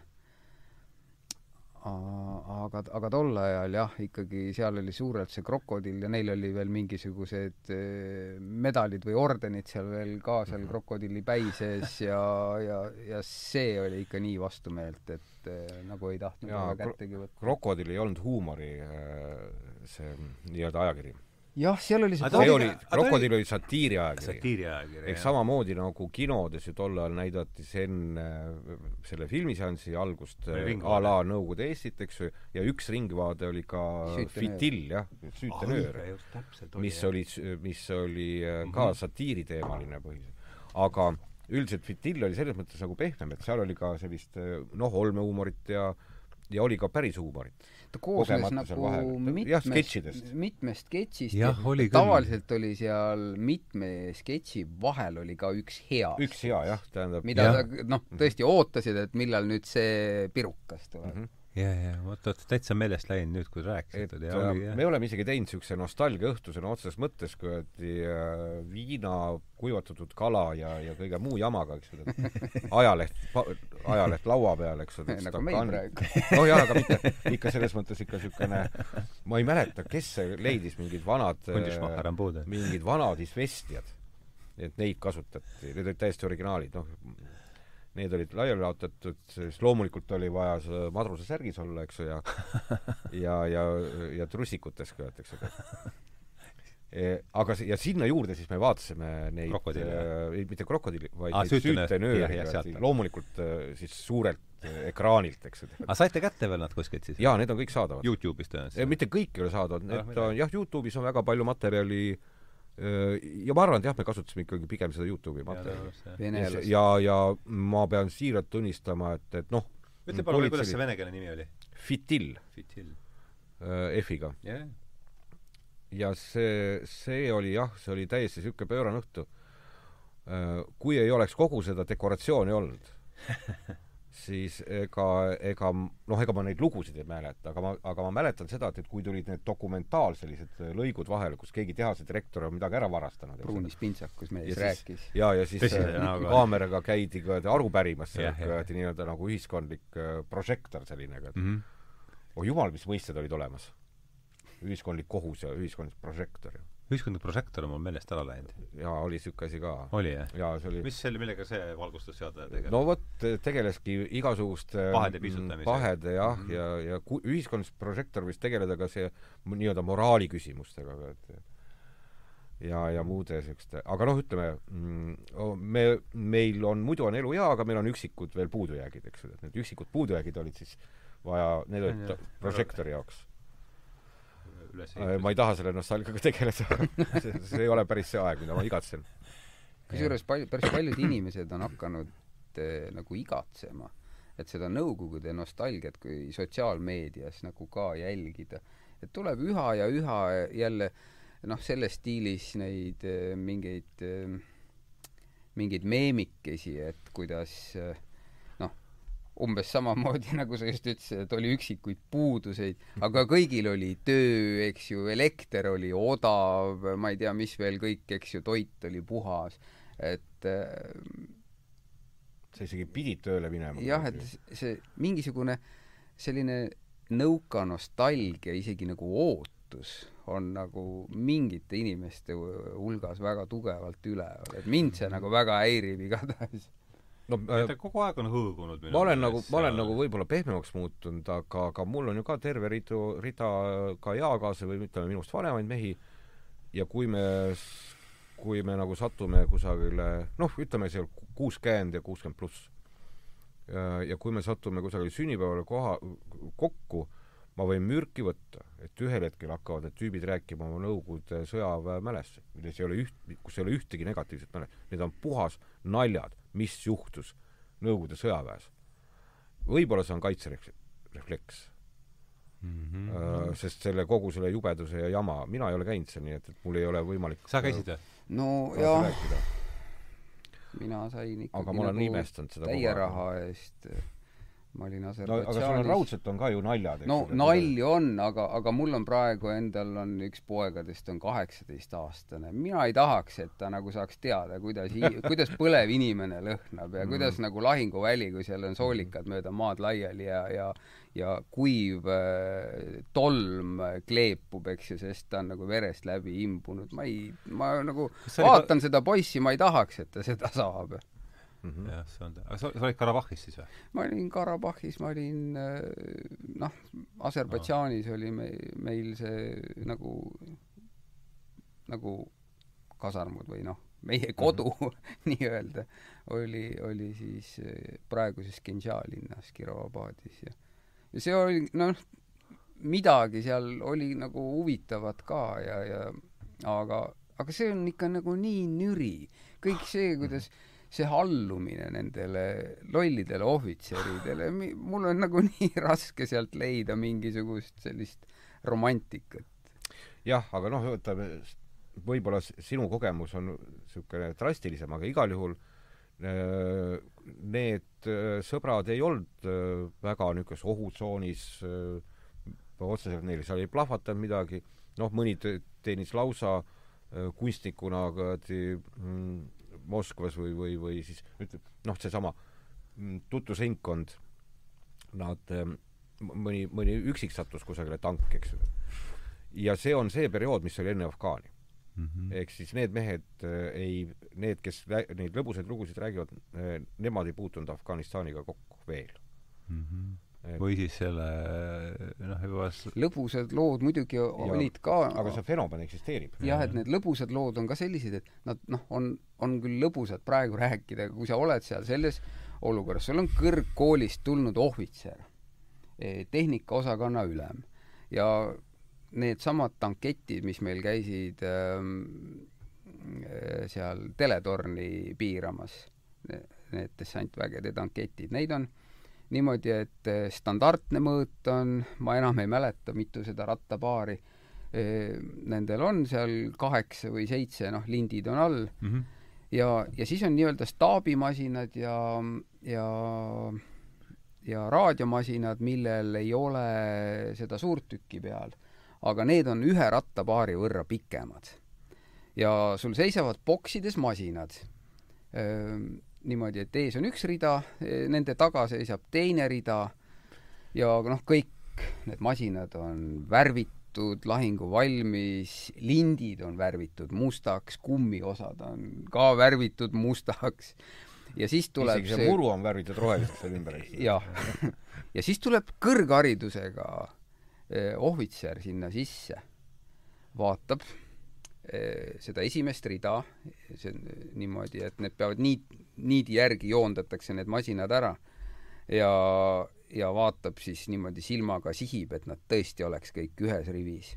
Mm -hmm. siis ta läheb tagumist rida vaatama see ja vaatab neid esimest otsa ka niidi järgi ja siis ta vaatab ees olevaid masinaid, millest osad on ühe rattapaari võrra pikemad ja üldse ei ole enam niidi järgi.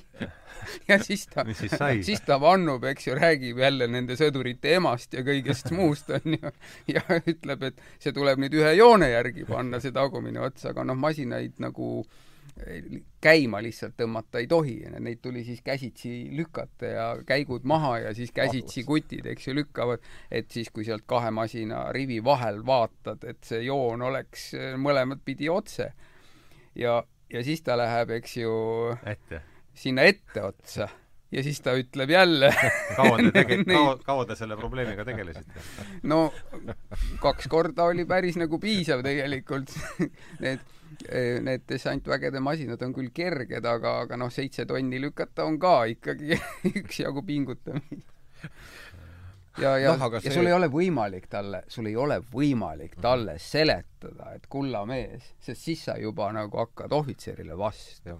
Ja see absurd oli ju, ju kõikides teistes valdades ka, võib-olla mitte nii kontrastselt, aga igal juhul ta eksisteeris. võin mingisuguse teise sellise absurdi veel rääkida, mis no täiesti, see oli nagu nii, nagu nii nüri, et noh, noh, sa kuidagi lülitad ennast välja, et mm. -hmm. et sa ei võta seda nagu enda sisse. aga kui igal sellel väikesel üksusel või rühmal või asjal on seal polgu territooriumil oma nurgake koristada ja siis meie, meie üksusel oli selline koht nagu nii-öelda noh, selline pargiline ala ja seal kasvasid need akaatsiapuud, mida siis tuli lubjata, et alt oleks ilus mm, -hmm. ma ei mäleta, kui kõrge see oli, sada kakskümmend sentimeetrit äkki. lubatud, alt tehti Mhm. valge. Ja- ja siis jälle muidugi kahjurite pärast ja jälle, no seal oli ka ilu pärast. Ei no nad pidid olema ühel joonel. ja, ja jälle sa mõõdad. millimeetri pealt, et see sada kakskümmend senti, aga meil oli, meie osa parg-, pargikesest oli mäekünka peal. siis sai. siis tuli jälle, tuli prapor, ütles pljääd ja, ja mida te siin mehed teete, vaadake nüüd, see ei ole ju ühtlane. ja lõpuks oli nii, et need puud, mis seal mäes allpool, me värvisime nad kuni ladvani valgeks, täpselt. noh, ma, ma ei saa aru, mis nostalgia saab seal olla, eks ju, et selliseid asju nagu igatseda ja unistada, jah, neid on tore rääkida küll, aga, aga kui sa selle sees oled, see on nii nüri, see on lihtsalt nagu nii nüri. võib-olla kui, kui sa loomult oledki selline nüridam inimene, et äkki siis on nagu okei okay ja teed ära ja aga, aga kohati oli see väga raske. aga absurd ja, ja tänapäev, kuidas selle, kuidas meil selle märksõnaga on? ta on toredasti läbi põimunud.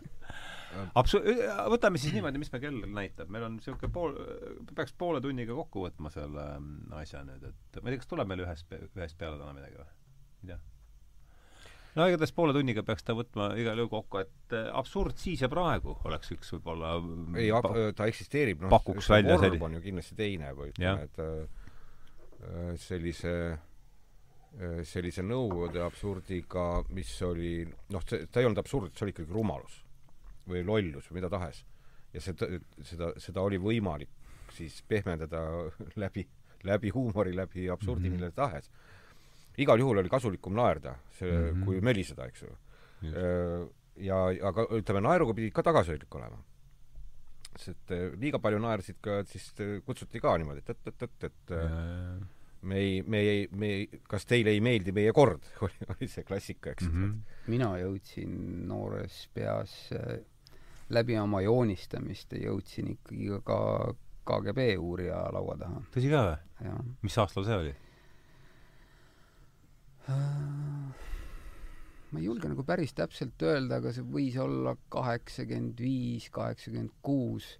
sa polnud siis ju veel äh, kakskümmendki täis või? jah ja väga viis... räägi sellest lähemalt. see kõik oli väga viisakas. nii äh,? aga kus sa joonistasid siis? ma lõpetasin kutsekooli mm -hmm. ja, ja, ja tol ajal ma mis mis kooli? see oli Tartu seitsmeteistkümnes kutsekeskkool. mida seal õpetati? ma, seal õpetati palju asju, aga mina õppisin tööriista luksepaks. väga peen ala tegelikult, väga-väga hinnatud äh, mehed on need, kes seda tööd praegusel ajal teevad. aga tol ajal noh, oli ta nagu oli, mina läksin sinna sellepärast, et ma olin suhteliselt vastaline, suhteliselt äh, selline pätikuulsus oli mul ja, ja mulle öeldi ära, et nagu keskkool on minu mhm. jaoks kinni ja olid ka need kutsekooli alad kinni, mis olid noh, nii-öelda prestiižikad, et mingi autoremondi luksepaks või mööblidistleriks ma poleks saanud et.... isegi nihukene plekk oli küljes? jah, jah mm.. ja ma ei teadnud sellest erialast mitte midagi, see oli ainus, mis mulle oli nii-öelda jäänud. aga noh, mulle iseenesest meeldis, ma kohanesin sellega hästi ja ja tehases oli see tööriistaluksepp oli ka nagu mõnes mõttes nagu selline nagu eliit, et noh, et sa ei ole kuskil liinil, vaid sa ikkagi teed jooniste järgi selliseid üsna keerulisi asju, stantse ja pressvorme ja ja see oli kõik hästi põnev.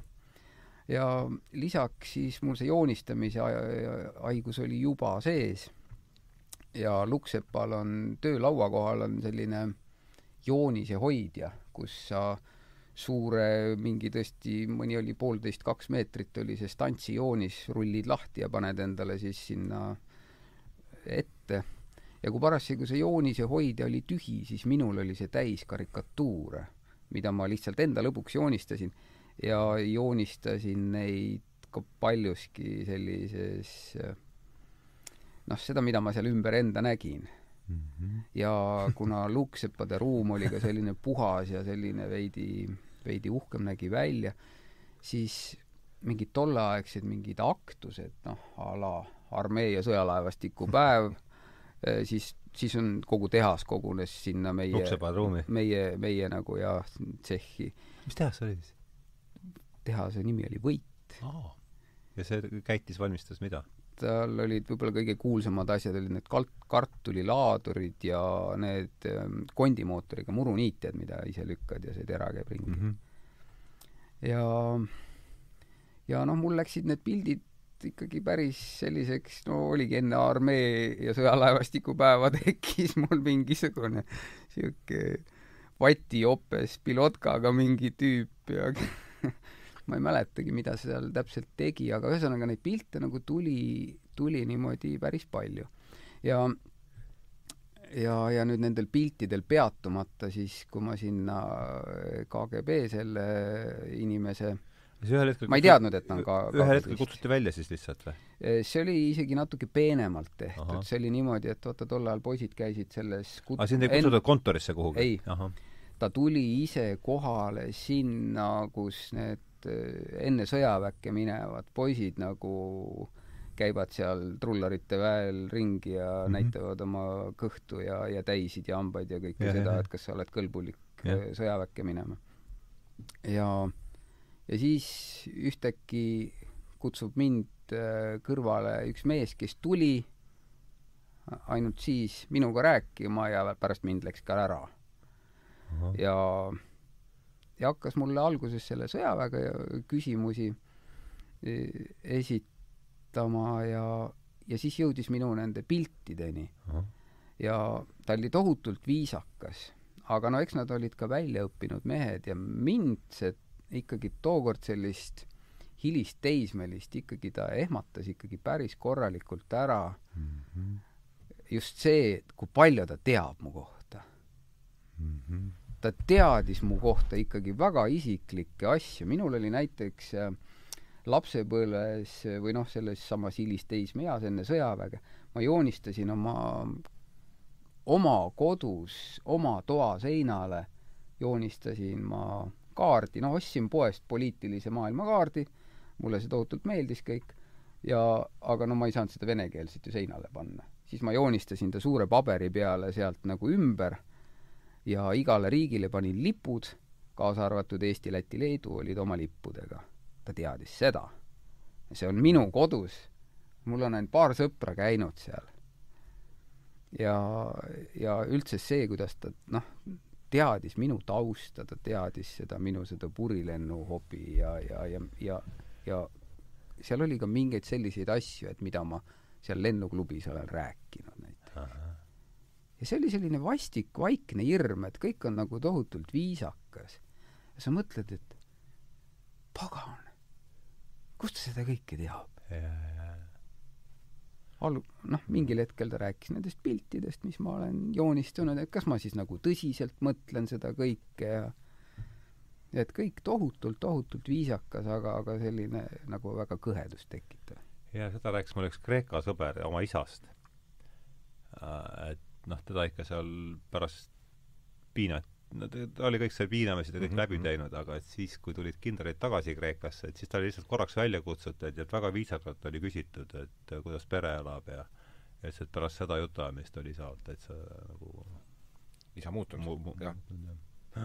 see mul tuleb sellega meelde mul on ka kogemus olemas, sest poisikesena ju sai ka karikatuure joonistada. ma, ma üldiselt, ma ütleme, see oli täiesti nagu elementaarne, et seal mingi Pikri koolinoorte konkursil ikka osalesid rõõmsalt ja ja, ja mõnikord läks ka õnneks öö, mingisuguseid kohti saada, aga ma ei olnud muidugi väga niisugune intensiivne. ja mina matkisin siis Illar, Illar, mitte Illar Metsa, vabandust, mina matkisin Hei, Hei, Heiki öö, Ernitsat mm. -hmm.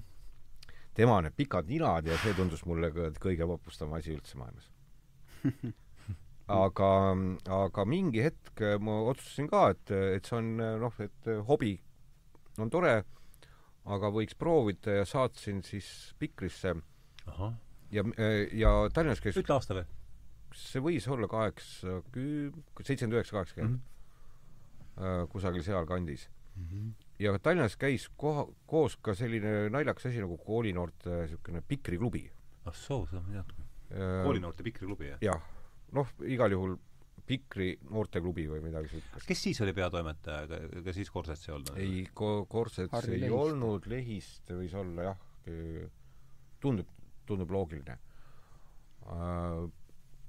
aga noh, selle klubiga seoses ja, ja selle noorte siis nii-öelda karikatuurihuvilistega tegelaste mm, kuraatoriks oli Rein Lauks, kadunud Rein Lauks, suurepärane karikaturist, teatrikunstnik tema muide joonistas ka ju äh, Sirbis neid ja. legendaarseid karikatuure. jaa, ei, ja ütle veel, mis see oli, Rein Lauks? Rein Lauks mm,, jah. jah, jah, tema tegeles karikaturistidega.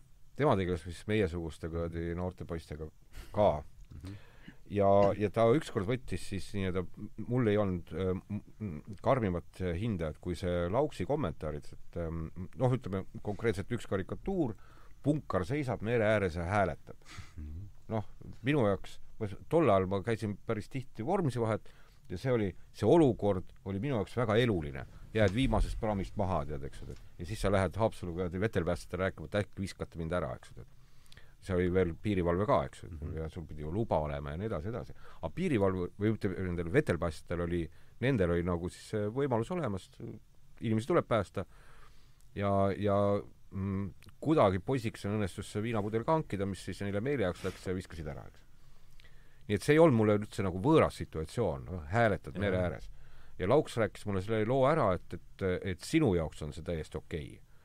aga nüüd see kodanik äh, Klavlitist, kes seda vaatab, temal tekib ju, tema ju võtab seda oma seisukohast, aga kuhu see noormees siis hääletab, no kuhu saab merelt hääletada, see on kapitalism, Soome või Rootsi või kuhu sa hääletad, eks ju, et no ei hääleta ju Leningradi, eks ju. ja, ja sul tuleb pahandus. Et, et, et, et alati nagu mõtle selle peale ja siis mul läks sisu ära, karikatuuri joonistada. ma ei taha mõelda selle peale. et äh, kuidas äh, mingi võimur seda näeb.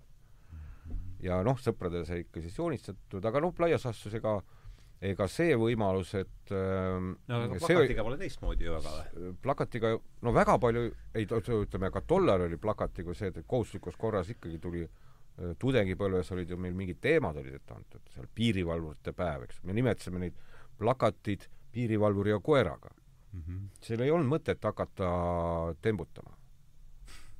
joonistad oma piirivalvuri ja koer kõrvale, kes pani pikali püsti paremale kes pani püsti ka seisma, piiripost ka kindlasti, eks ole yeah., Nõukogude Liidu vapiga ja nii edasi, edasi. ja neid vormi, see vormistati ära. See oli kohustuslik äh, tants. ja, ja selleks, et sa, et sa saaksid teha nüüd seda huvitavat plakatit, millele tõeliselt pühenduda äh,, nii et ma olen sinuga nõus, et see oli, see oli kohutavalt nürigad ja niisugune mõttetu. ja aga, aga kusagil seal kaheksakümmend, see oli enne Korba aega igal juhul kaheksakümmend kaks, kaheksakümmend kolm hakkas juba selgelt selekteeruma äh, ka need, kes siis hea meelega joonistasid piirivalvet koeraga mm. -hmm. Ja olid need, kes äh, juba tol ajal hakkasid siis vaatama, noh, et kas see piirivalvete päev, noh, et, et äh, kas sinna on võima-, kas seda on võimalik joonistada niimoodi, et sa petad ära mm. -hmm. et seal on ridade vahel midagi noh, ütleme võib-olla minu enda kuradi lõbu või ütleme, sõbral ma ütlen, kuule, vaata seda aga tuleb sulle meelde midagi niisugust leid-, leidlikumat niisugust äh, asja žanrist piirivalvul koeraga? Nad olid selgelt absurdimaised sellised ja ega need hinded head ei olnud. Äh, aga vähemalt ma ei olnud nii-öelda seda punast laulu teinud või noh, ma ei olnud ja, seda punast laulu laulnud siis, eks ju. Äh, ja, ja, ja tollal oli ka see eristumine oli, oli selgelt tekkis, et olid noh, noored äh, kes noh, inimlikult täiesti arusaadav. noh, mingi pere on loodud ja, ja kuidagimoodi tuleb ju see korteri järjekorda ennast saada ja, ja mingisuguseid muid noh, ütleme, raha tuleb teenida ja nii edasi, edasi. ja olid need inimesed, kes selgelt ütlesid, et mina joonistan Leninit, nii nagu see võimalus tuleb, selle eest maksti palju raha, ja miks mitte selle, aga ma vähemalt joonistan ta ilusa mm. -hmm ja siis oli need oponendid, ma kip-, kippusin olema oponent, et kui see, et aga see on veel halvem, kui selle Lenini ilusi, ilusti joonistad, et ma saan aru, et, et sa võtad selle raha ära, aga siis tee ta vähemalt noh, kõige koledamal viisil, eks ju, et üks jube Lenin, eks ju. E, et see ei ole ju nagu, ei ole nagu mõistlik. aga ma ei, noh, tänapäeval ma ei ole enam nagu hindaja selles mõttes, et mm, et noh, see ei olnud kollaboratsionism selles mõttes klassikalises mõttes. see oli -hmm. teenimise võimalus, kui oli vaja panna noh, mis see oli siis, poliitbüroo pildid kuradi täna, tänapäevas mõttes siis linnavalitsuse või Vene teatri seinte peale, siis nad ju sinna pandi, eks ole. mina vist olen natukene rangem selle koha pealt, et karikatuuris oli ju ka niimoodi, et Mets ja Ernits ja Valter ja Pärn ei teinud sellist punast ila. no nad ei teinud satiiri niikuinii, eks ju. see oli juba põhimõte. samas olid karikaturistid, kes tegid seda hea mhm. meelega, kes joonistasid selle onu Sämmi sinna kaksiratsi ah,, eks ju. raketi jah. peale istuma. ja, ja imperialiste ja, ja siis kui nüüd uus, uus aeg tuli, siis nad ka ei hoidnud ennast tagasi, et rääkida no kui peenelt nad ikka seda süsteemi mõnitasid, no tühjagi nad ei mõnitanud seda punast süsteemi. jah, vastab tõele, ma olen sama meelt, et äh, et loomulikult seal, seal on mõned, mõnedes teostes sa võid mingi tunnuse leida. Äh, aga ma olen sama meelt, et ega kui ma neid äh, nii-öelda imperialismi vastaseid ja kapitalismi vastaseid ja rahu poolt asju uuesti näen, mis on ju Pikris kõik eksisteerivad, ega Mhm. Pikker ei olnud seda, seda huumori poolt või ütleme, seda käkrit on ju, on ju kaduvväike osa, võib-olla seal mingi kümmekond protsenti, noh, natuke rohkem, äkki kakskümmend protsenti. aga ülejäänud on ju täielik parteiline kamm, eks see on see ühiskondlik prožektor, ma panin tähele. kuni see, kuni sinna, sinnani välja. noh, igal juhul kõik need olmeteemad ja kõik, mis on, mis, mis on meie pisipuudused, need ju lahati seal ka ära kohustuslikus korras ikka mm. Aga noh, ütleme, ma tean, et Hugo Ibos on neid asju joonistanud ka. aga ma ikkagi võib-olla, kui ma noore poisina arvasin, et Hugo Ibos on värdjas, eks ju, siis hiljem olen temaga elus ka kokku puutunud ja väga kihvt taat, eks ju ja mulle tundub, et ma hakkan ikkagi mõistma, et, et sa pead seda, noh, sa pead nagu tegema, see näitleja läheb lavale, mängib Leninit, no mis sa pagan teed, noh. Sa ütled, ma ei taha Leninit mängida, ütled, aitäh, sa äkki sa ei taha näitleja olla, eks. et seal, et me, ma vangistatud mõistus äh, ma ei ole kindel, jah, ma ei ole kindel, et neid valikud, neid, neid valikuid sai teha sellise vabadusastega, nagu me tänapäeval seda tajume. või isegi näiteks, kui mina noore poisina tajusin. minul oli oluliselt rohkem vabadust mina tean, et kui meil peaks, meil oli siin nüüd selle saate alguses oli küll see jutt, et need ajad ei tule tagasi. Ma ei julge nii optimistlik olla, aga kui siin siuksed ei, ma mõtlesin ligi, lähimas ja, sellises perspektiivis. aga kui sellised nagu Ligi ja Sutropi ja need, seda tüüpi inimesed, kes, kes siin ikkagi nõuavad mingi, praegu juba mingi karikatuuri puhul üleriigilist vabandamist ja kui nagu nemad tulevad, siis olgu see lipp siis no punane või pruun või mil-, mille lehvides nad iganes tulevad ja võimule saavad, siis mina lihtsalt ei joonista. et ma ei hakkaks kunagi kellegi meele heaks mingit pilti tegema. et niikaua, kui ma saan vabalt teha, niikaua ma teen jah, aga mina arvan seda, et, et kui näiteks nende sinu no, noh, sina oled ju persoonina puudutatud, aga kui nende sellist seisukohta ei oleks avaldatud, oleks see sama halb. mis sa mõtled praegu? Noh, ütleme, kodanik arvab, et, et härra Neivalts peab hakkama yeah. vabandama, aga terve mõistus ütleb, et see on idiotism, eks ju, aga me ei avalda seda, siis see on sama halb see on teistmoodi halb yeah.. aa, et seda, et nende seda nende kiunumist jah, ja, ja, ja. et kui sa sellega nõus oled, siis meil on mina, kõik hästi. mina veel, olen sellega küll nõus, et nemad pidid oma arvamuse saama ja. välja öelda igal et, juhul. et see on nagu see suur vahe. Nõukogude ajal, ütleme, selles perioodis ei olnud teist arvamust. me võisime seda köögis rääkida ja samas arvestades sellega, et mikrofon on ka kusagil, eks ju, ta on no jah, nii et, et äh, ma ikkagi jään selle juurde, et äh, et ma ei näe sellist, ma ei näe seda traagikat, me saame, see on traagika personaalselt, kui no ütleme, ma teen mingisuguse teose mm, ja oletame, et, et mind ei kritiseeri mitte ju tellija, sest et graafiliselt disainis on tellija olemas, vaid see, see on, läheb avalikku ruumi ja siis tuleb keegi, ütleb, et oh, ma ei ole niisugust paska ennem näinud.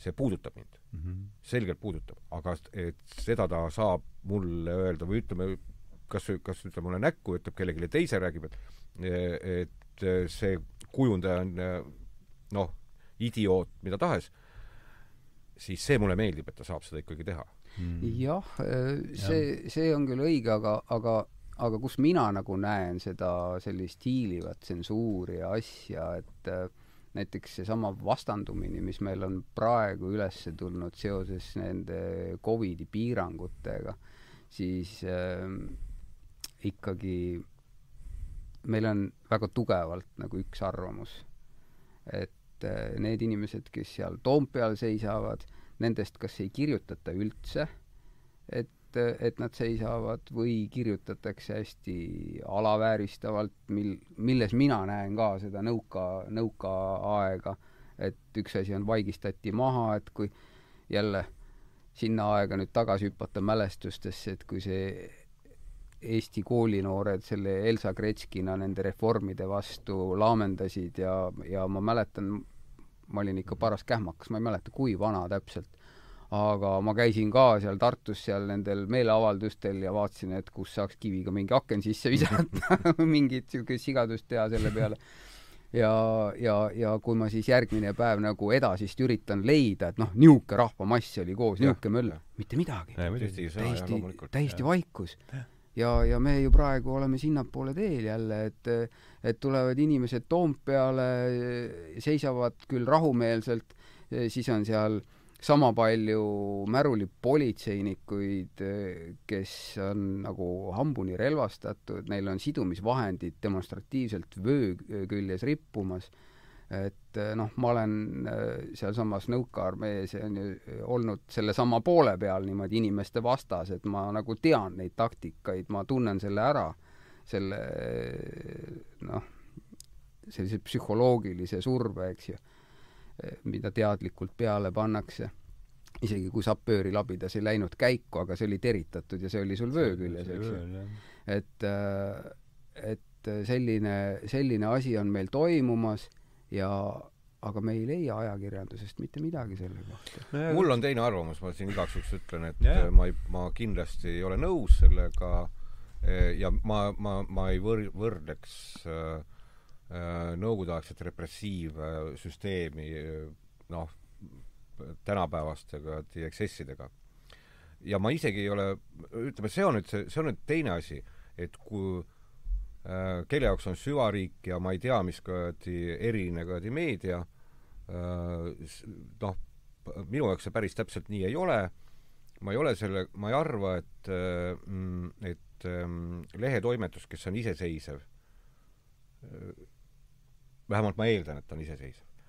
et ta peaks äh, kõigele reageerima ja see, see tõdemus jõudis mulle kunagi kohale läbi selle, kui ma näiteks vaatasin paralleelselt, või ma olen aastaid vaadanud paralleelselt Soome uudiseid, Eesti uudiseid ja Vene uudiseid.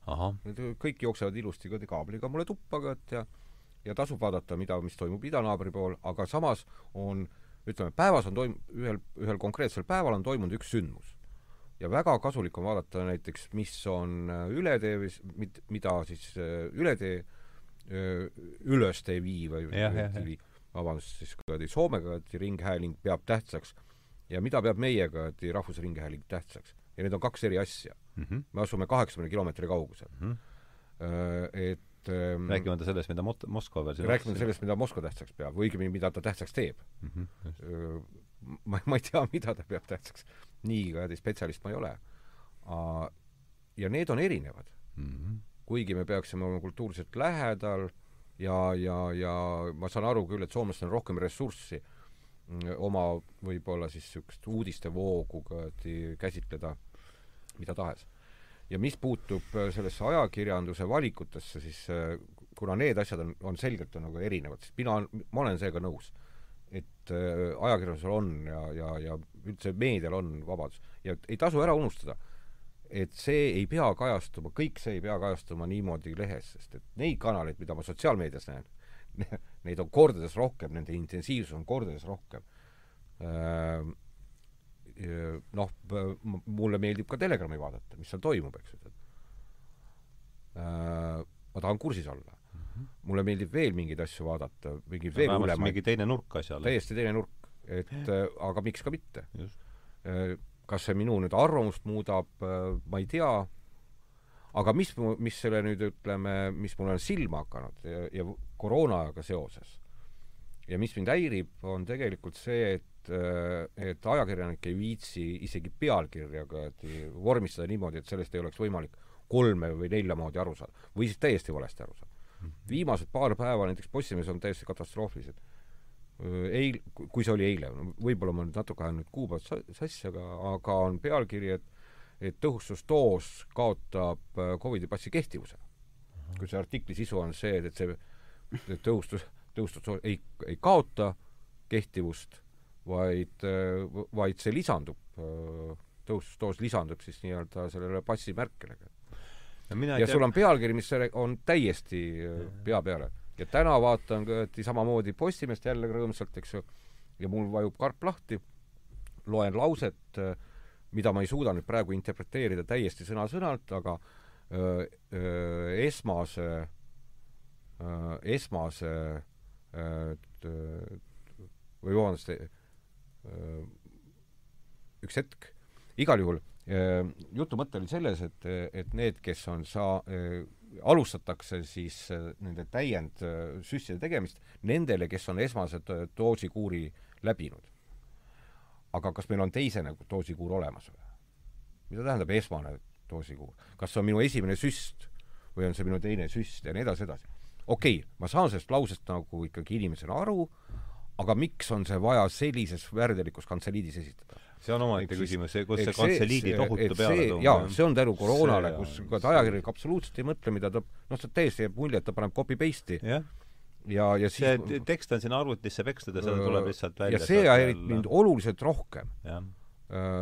ehk siis segane sõnum või mõttetu sõnum, et nii et, et kas, kas mingi sündmus on kajastatud esilehel, teisel lehel või on ta mm, kusagil ainult perifeerias või ta ilmub kommentaarides. see mind väga palju, praegusel hetkel vähemalt praegu ei, väga palju ei häiri uh, jah, see kantseliidi pealetung on tõesti, see on üle, see on, see on palju laiem teema üleüldse ja noh, ma ise olen ka, käisin Toompeal vaatamas ka, mis toimub. ja mitte ainult ühel päeval või teisel, vaid käisin ka nädala pärast. noh, ega ausalt öeldes noh, see, see oli, see oli, sellel ei olnud nagu minu jaoks sellist äh, kandvust, et äh, noh, minugi poolest äh, Hyde Park peaks olema Tallinnas mm. -hmm. üks selline koht, minu meelest olgu see Hirve park, kas ta peab Toompeal olema, ja jumala pärast pangu oma telgid ja tehku oma šašlõkki ka ja rääkige oma juttu seal omavahel ka, et eks. või vähemalt keegi, noh, peaks seda tegema. sest seda klassikaliselt kasutatakse ju, ju selle tos- või vabandust, auru väljalaskmiseks.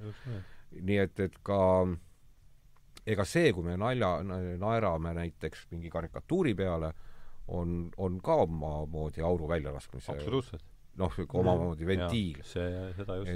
et ja seda võiks olla jah, loomulikult rohkem mm. -hmm no see haakub nüüd väga sellega, meil on, hakkab kaks tundi täis saama, et et järgmisel teisipäeval on meil äh, kavas vestlus Karnevali surm, kus on siis külas ka Kaarel Ots ja ja Toomas Trapido ja me arutame samanimelist äh, Charles Eisensteini artiklit ja seal on just argument see, et need karnevalid, karnevalide funktsioon läbi ajaloo on olnud just selleks kohaks, kus aur välja lastakse mm -hmm. ja anekdoot mm -hmm. või mhm. ka pilapilt on sisuliselt minu, minikarneval, millega äh, no just nimelt see, see väike, väike ventiili koht siin.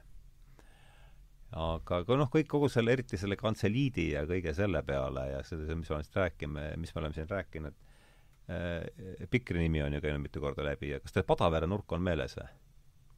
Padavere uudised äh,. jaa, Padavere on meeles.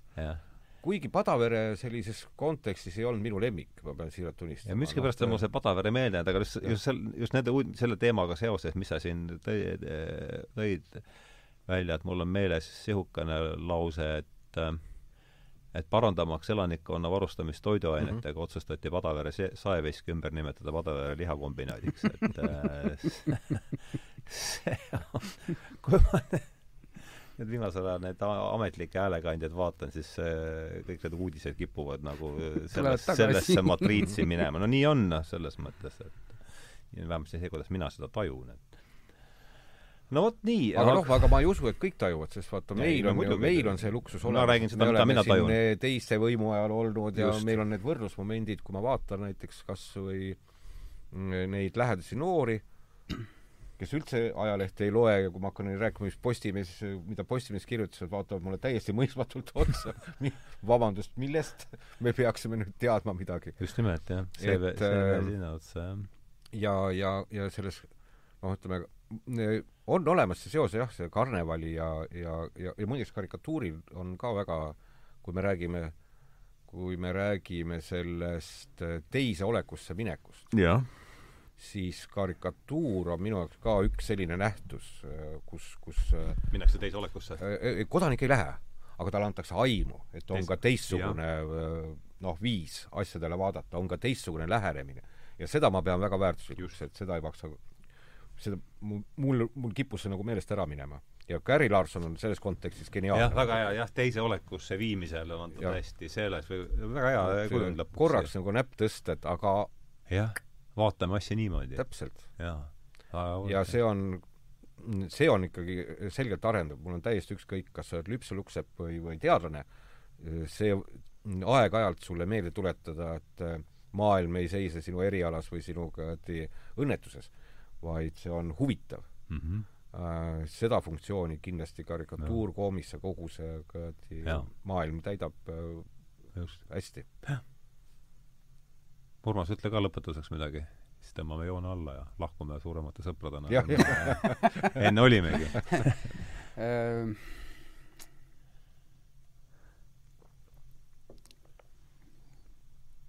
midagi ilusat, tead, ma kirjutasin, ma vaatan, ahah, ma, kui ma siin olen täna neid eh, karikatuure nagu niimoodi jutustanud ümber ja, ja, ja millegipärast äh, tuli mulle hoopis, hoopis nagu mujalt äh, üks väga huvitav ja ilus tsitaat, mis mm. on siis natukene selle huumori ja kõigega seotud, et minu noh, suur lemmik Tolkien oma noh, Tolkienil muidugi peale kääbiku ja sõrmuste asjade on iga, tohutult palju veel igasuguseid lühijutte toredaid ja sellest ma soovitan ka täitsa omaette saate teha kunagi. aga, aga kääbiku lõpus kui kui Kääbikul oli niisugune vastasseis selle päkapikkude kuninga Toorin Tammiskilbiga olnud ja ta viis ära selle Toorini kõige kallima kalliskivi, et noh, temal olid üllad eesmärgid, et, et, et lahingut ei tuleks ja noh, pärast tuli lahing ikkagi nende kurjade trollidega ja ja mille käigus siis eh, Toorin Tammiskilp sai surmavalt haavata ja oma surivoodil oli tema kõige suurem mure, et ta tahtis selle Bilboga kindlasti ära leppida. Ja kui siis Bilbo lõpuks üles leiti ja viidi sinna tema, tema, tema nii-öelda surivoodi juurde mm, -hmm. siis, siis see karm päkapiku kuningas ütles siis Bilbole sellised sõnad, et kui meie hulgas oleks rohkem selliseid, kes head kõhutäit, nalja ja laulu kullakoormast ülemaks peavad, oleks meie maailm praegusest rõõmsam paik. See on hea, ilus äh,, ilusad sõnad tõesti, millega sellele jutuajamisele tõmmata joon alla, et see jah, mulle meeldis see ja see teise olekusse minek ja see, mida just on täpselt see, mida kas või see, näitame seda, see on ainuke teos, mis mul Kari Larssonist äh, siis kodus on. näitan teda veel kord siia. ja tänu Markole saime teada, et on olemas eraldi veebsait, seda ma sinna ma ei jõudnudki mm. -hmm. Et äh, eetris oli siis äh, saja kahekümne kaheksas saade sarjas Tähenduse teejuhid. vestluse käimalükkavaks isikuks oli täna Kanada karikaturist Gary Larson ja ja saates olid siis Marko Kekissev ja Urmas Nembalts, tänan teid mõlemad saatesse tulemast, tänan Kaiet puldis. ja tänan kõiki, kes on selle saatesarja teinud võimalikuks ja, ja nagu ma ütlesin, et siis järgmisel korral kohtume teisipäeval kell kolm vist ja on siis veel kord stuudios Kaarel Ots ja Toomas Trapido ja juttu tuleb Charles Eisensteini artiklist Karnevali surm, mis on juba väljas ka meie kodulehel burk.ee, et et see saade on siis lõppenud ja tänan teid kõiki veel kord ja soovin head päeva!